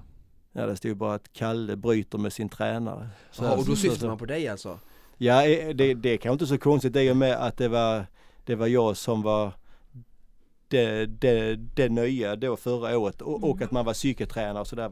Men, men, men, men, men, men jag har varit en otroligt liten del i ekvationen det. och, och eh, det här går liksom inte riktigt att hänföra till, till, till träningen heller liksom. Jag, jag och Mattias Nilsson har haft ett jättebra samarbete. Mm. Just det. Så Mattias Nilsson har varit med, han är dam, äh, herrlags Han var landslagstränare fram tills förra året. eh, Ja. Men, men, sen, men sen så klev han ner lite av, eh, alltså på grund av familjen. Men han är fortfarande ansvarig för den delen s- som har sitt centra i Falun. Mm. Så han är liksom inte med liksom i den här absoluta landslagstränarsparen. Men, men han jobbar ändå med, med landslaget. Mm. Och, eh, så det, det, är egentligen, det är egentligen inte konstigt att jag inte är med för att det hann liksom aldrig bli någonting. Just det, Och, just det. och, och, Och det han behöver, det, det, det kan jag inte, det kan jag liksom inte stötta Mm. ändå. Mm. Men, men med lite tur nu så får jag chansen att så får jag chansen att eh, testa och träna någon annan traditionell åkare. Det blir väl offentligt inom ett par veckor. Kul. Så får vi, får vi se, för jag är fortfarande, jag är fortfarande sugen. Och Ja. jag, är- Och du har gjort och- bra grejer med Max Novak ju för att, Ja. var, det, var det nu, säsongspremiären alltså, vå, äh, hösten? I, i Bruksvallarna. ja, ja. gick det inte, han var inte trea eller någonting då? Han vann faktiskt. Han vann till och med, ja. förlåt, jag Eh, såg ju loppet live. Året innan. Sen har vi Före haft... Porma! Jajamän. Det är ju helt otroligt att en långloppsåkare kan komma Ja. och ge, vet du det, Porma som har varit en av våra upcoming nu på ja, det var häftigt. tasken. Och Emil Persson var femma tror jag, som sen Just var här så, här, så här, otroligt Och imponerande. Tränar du Emil? Nej, det gör jag inte. han är men långloppsskap, liksom ja, ja, ja. ja, ja, de stod eh, sig bra Men, men sen om man tar Max, han hade ju, alltså det, är- jag vet inte om man kan ha mycket mer oflyt än han har haft. Alltså om inte skidorna har åkt av så har någon Nej, gång körde han fel och grejer och sådär va. Så, va? att efter Vasaloppet så fanns det liksom ingen energi kvar i Marcialonga så, så, så var det också det att han fick jaga kapp för han kraschade och så vidare. Och, och sen så var det väl vid, vid, vid något tillfälle, men det kan jag säga med att när man inte är skidåkare utan cyklist så är man inte riktigt van vid att, att Max och, och, och- den närmaste ledningen där nere säger att han tappat tekniken eh, i backarna i Marcialonga och Jizerska. En cyklist kommer ju liksom aldrig i mål. Fan tekniken satt inte riktigt. Nej, det, det är nej. inte jag van vid det va. Just Men, men det, där var det liksom, och, om det beror på att man är lite, lite, lite stressad och pressad så här, det kan inte jag svara på men, Mm. men han, han blev ju väldigt känd. Och så var det det här med, med eh, att han hade spelat på Poromaa och det blev också lite uppståndelse. Just det. Så, så att, men men, men, men, men när, han, när han var som bäst så var han väldigt bra men han har liksom inte kunnat få visa det. Just det. Mm. Och eh, det får vi göra nästa år istället. Så han har haft en skitsäsong. Mm. Det, det, det måste man ha ibland också. Men innan, innan jag avslutar så vill jag bara liksom stanna kvar lite för jag tror många lyssnare är ju vet du, alltså, väldiga nördar inom längdskidsporten och vi har ju sett med liksom, eh, glädje hur damerna har skjutit i höjden och nu ses som det bästa landslaget i världen på Ja, det, skidor. det är jätteimponerande. Och herrsidan har ju liksom Mm. efter Rickardsson, Johan Olsson, Marcus Hellner och de här liksom verkligen liksom fått en, ett glapp om Ja. man säger så i svensk herrskidåkning och jag tänker, därför tänker jag så här, det är så kul att se med Max och det är kul att se med Lina Korsgren vad du Mm. gjort där och det känns verkligen som herrskidåkningen skulle må bra av att få in lite nytt och du pratade lite om det här med överträning förut Mm. och jag känner lite så här, det här är bara min lekmanna och det ska bli kul att se vad du tycker om detta eller tänker om detta att de, när det, liksom, känns som en, då, en negativ spiral Mm. där de har haft det lite dåligt och sen för att komma ur den spiralen så har det nästan ge- genom lite frustration tränats lite för mycket för det enda svaret jag kan ha på de som inte, som, som gång på gång misslyckas världscupen som, eh, som herrar har gjort men även andra i nor norska landslaget har gjort, eh, Didrik Tönnstedt, eh, jättetalang anser jag men som jag vet tränar jättemycket och sådär. Alltså ibland så försöker man, ah, jag missar, så försöker man rätta till genom mer träning. Och som du sa som på elitnivå så är det nästan aldrig problemet att de tränar för lite Nej. utan oftast för mycket och fel. Och där är coachen så himla viktig. Och så vet jag ju och du och jag hur liksom traditionen är i längdskidsport och Wassberg och kö- borra ner huvudet och bara köra på. Och därför kände jag att det hade varit så kul om herrskidåkning fick lite mer, jag säger inte att du ska ta över hela skidåkningsvärlden men få lite input liksom för någonstans behöver ju det vända på herrsidan och Ja. tänker du, hur tänker du kring det? Att det känns som att alla bara tränar och Viktor Thorn samma sak, bara träna, träna, träna, träna. sån talang också eller vad, vad är din Jag- förklaring? Jag får säga så här, jag som person är mer ödmjuk än så och, och, och dessutom så har Tycker jag är oödmjuk? Och, och dessutom så har jag ju inte så mycket insyn. Nej inte jag Det heller enda jag kan säga, detta året har ju verkligen varit ganska många trevliga grejer. Och, och vi tar det som Burman och. Poromaa och Ja, ja, ja. Oskar Svensson alltså, och, och, om vi tar som exempel. Ehm, och sen så, jag får bara säga, alltså det är en ganska liten värld. Jag vet inte, alltså alla tjejerna kan ju inte träna rätt och alla killarna tränar fel utan, utan det kan ju ha liksom med, med årgångar och grejer för att, Ja. för att om det i Sverige finns tillräckligt med kunskap Skap, precis, för, för, att vi ska ha så bra damer så Ja. borde det ju liksom även vara möjligt till herrarna så att kunskapsmässigt sett ja. Mm. och, och de ehm, den gången jag var uppe i Falun och träffade Lina Korsgren och vi gjorde tv-reportage om, om skisens stavar och, och, och då träffade jag även Kalle kort och så fick jag träffa landslagsledningen lite kort bara, bara så lite, i, i- lite informellt så satt vi i receptionen och pratade lite de, de gav ett jättebra, alltså, det, det, det, det här som man kan höra ibland att oh, liksom där i skidor, där vet de, jag vet det här att det, är, det är gammalmöt. Alltså när jag pratade med Ingesson och Thomson så, så tyckte jag de verkar jättebra. Mm. Så, så, Ja, så, absolut, så, men så att, jag menar inte att klanka ner Nej, på dem nej, nej, utan nej, jag men vet det finns mycket kunskap men eh, så- så att, någonting menar jag bara, men- ibland kan det vara bra att göra någonting annorlunda Ja. Och, men, men däremot, jag är helt säker på att, att, att mina idéer funkar. Ja. Och jag är Mm. helt säker på att, att, eh, att eh, ja, jag hoppas att jag får, får möjlighet att visa det på annat håll i och med Ja, att ja. det inte riktigt blev någonting med Kalle. Nej, nej. Sådär, va? Så det får vi hoppas. Så, Ja. så, Spännande, vi kommer följa Vi är många som hoppas att dina idéer får, får slå rot eh, på många ställen och det känns som att vi har, vi lämnar många trådar öppna här så vi Ja, ja, ja. kommer att återkomma helt enkelt. Men jag tror att våran programtid har nått sitt slut. Ja, ja. Alltså Mattias Räck, tack så hemskt mycket för att du gästar oss i Konditionspodden och vi kommer med eh, spänning att följa karriären framåt oavsett inom vilken kategori idrott den kommer att landa. Ja, väldigt trevligt att vara här. Ni är så lätta att prata med. Ja. Ja, precis som vanligt så produceras Konditionspodden av Fredag. Connect Brands with People.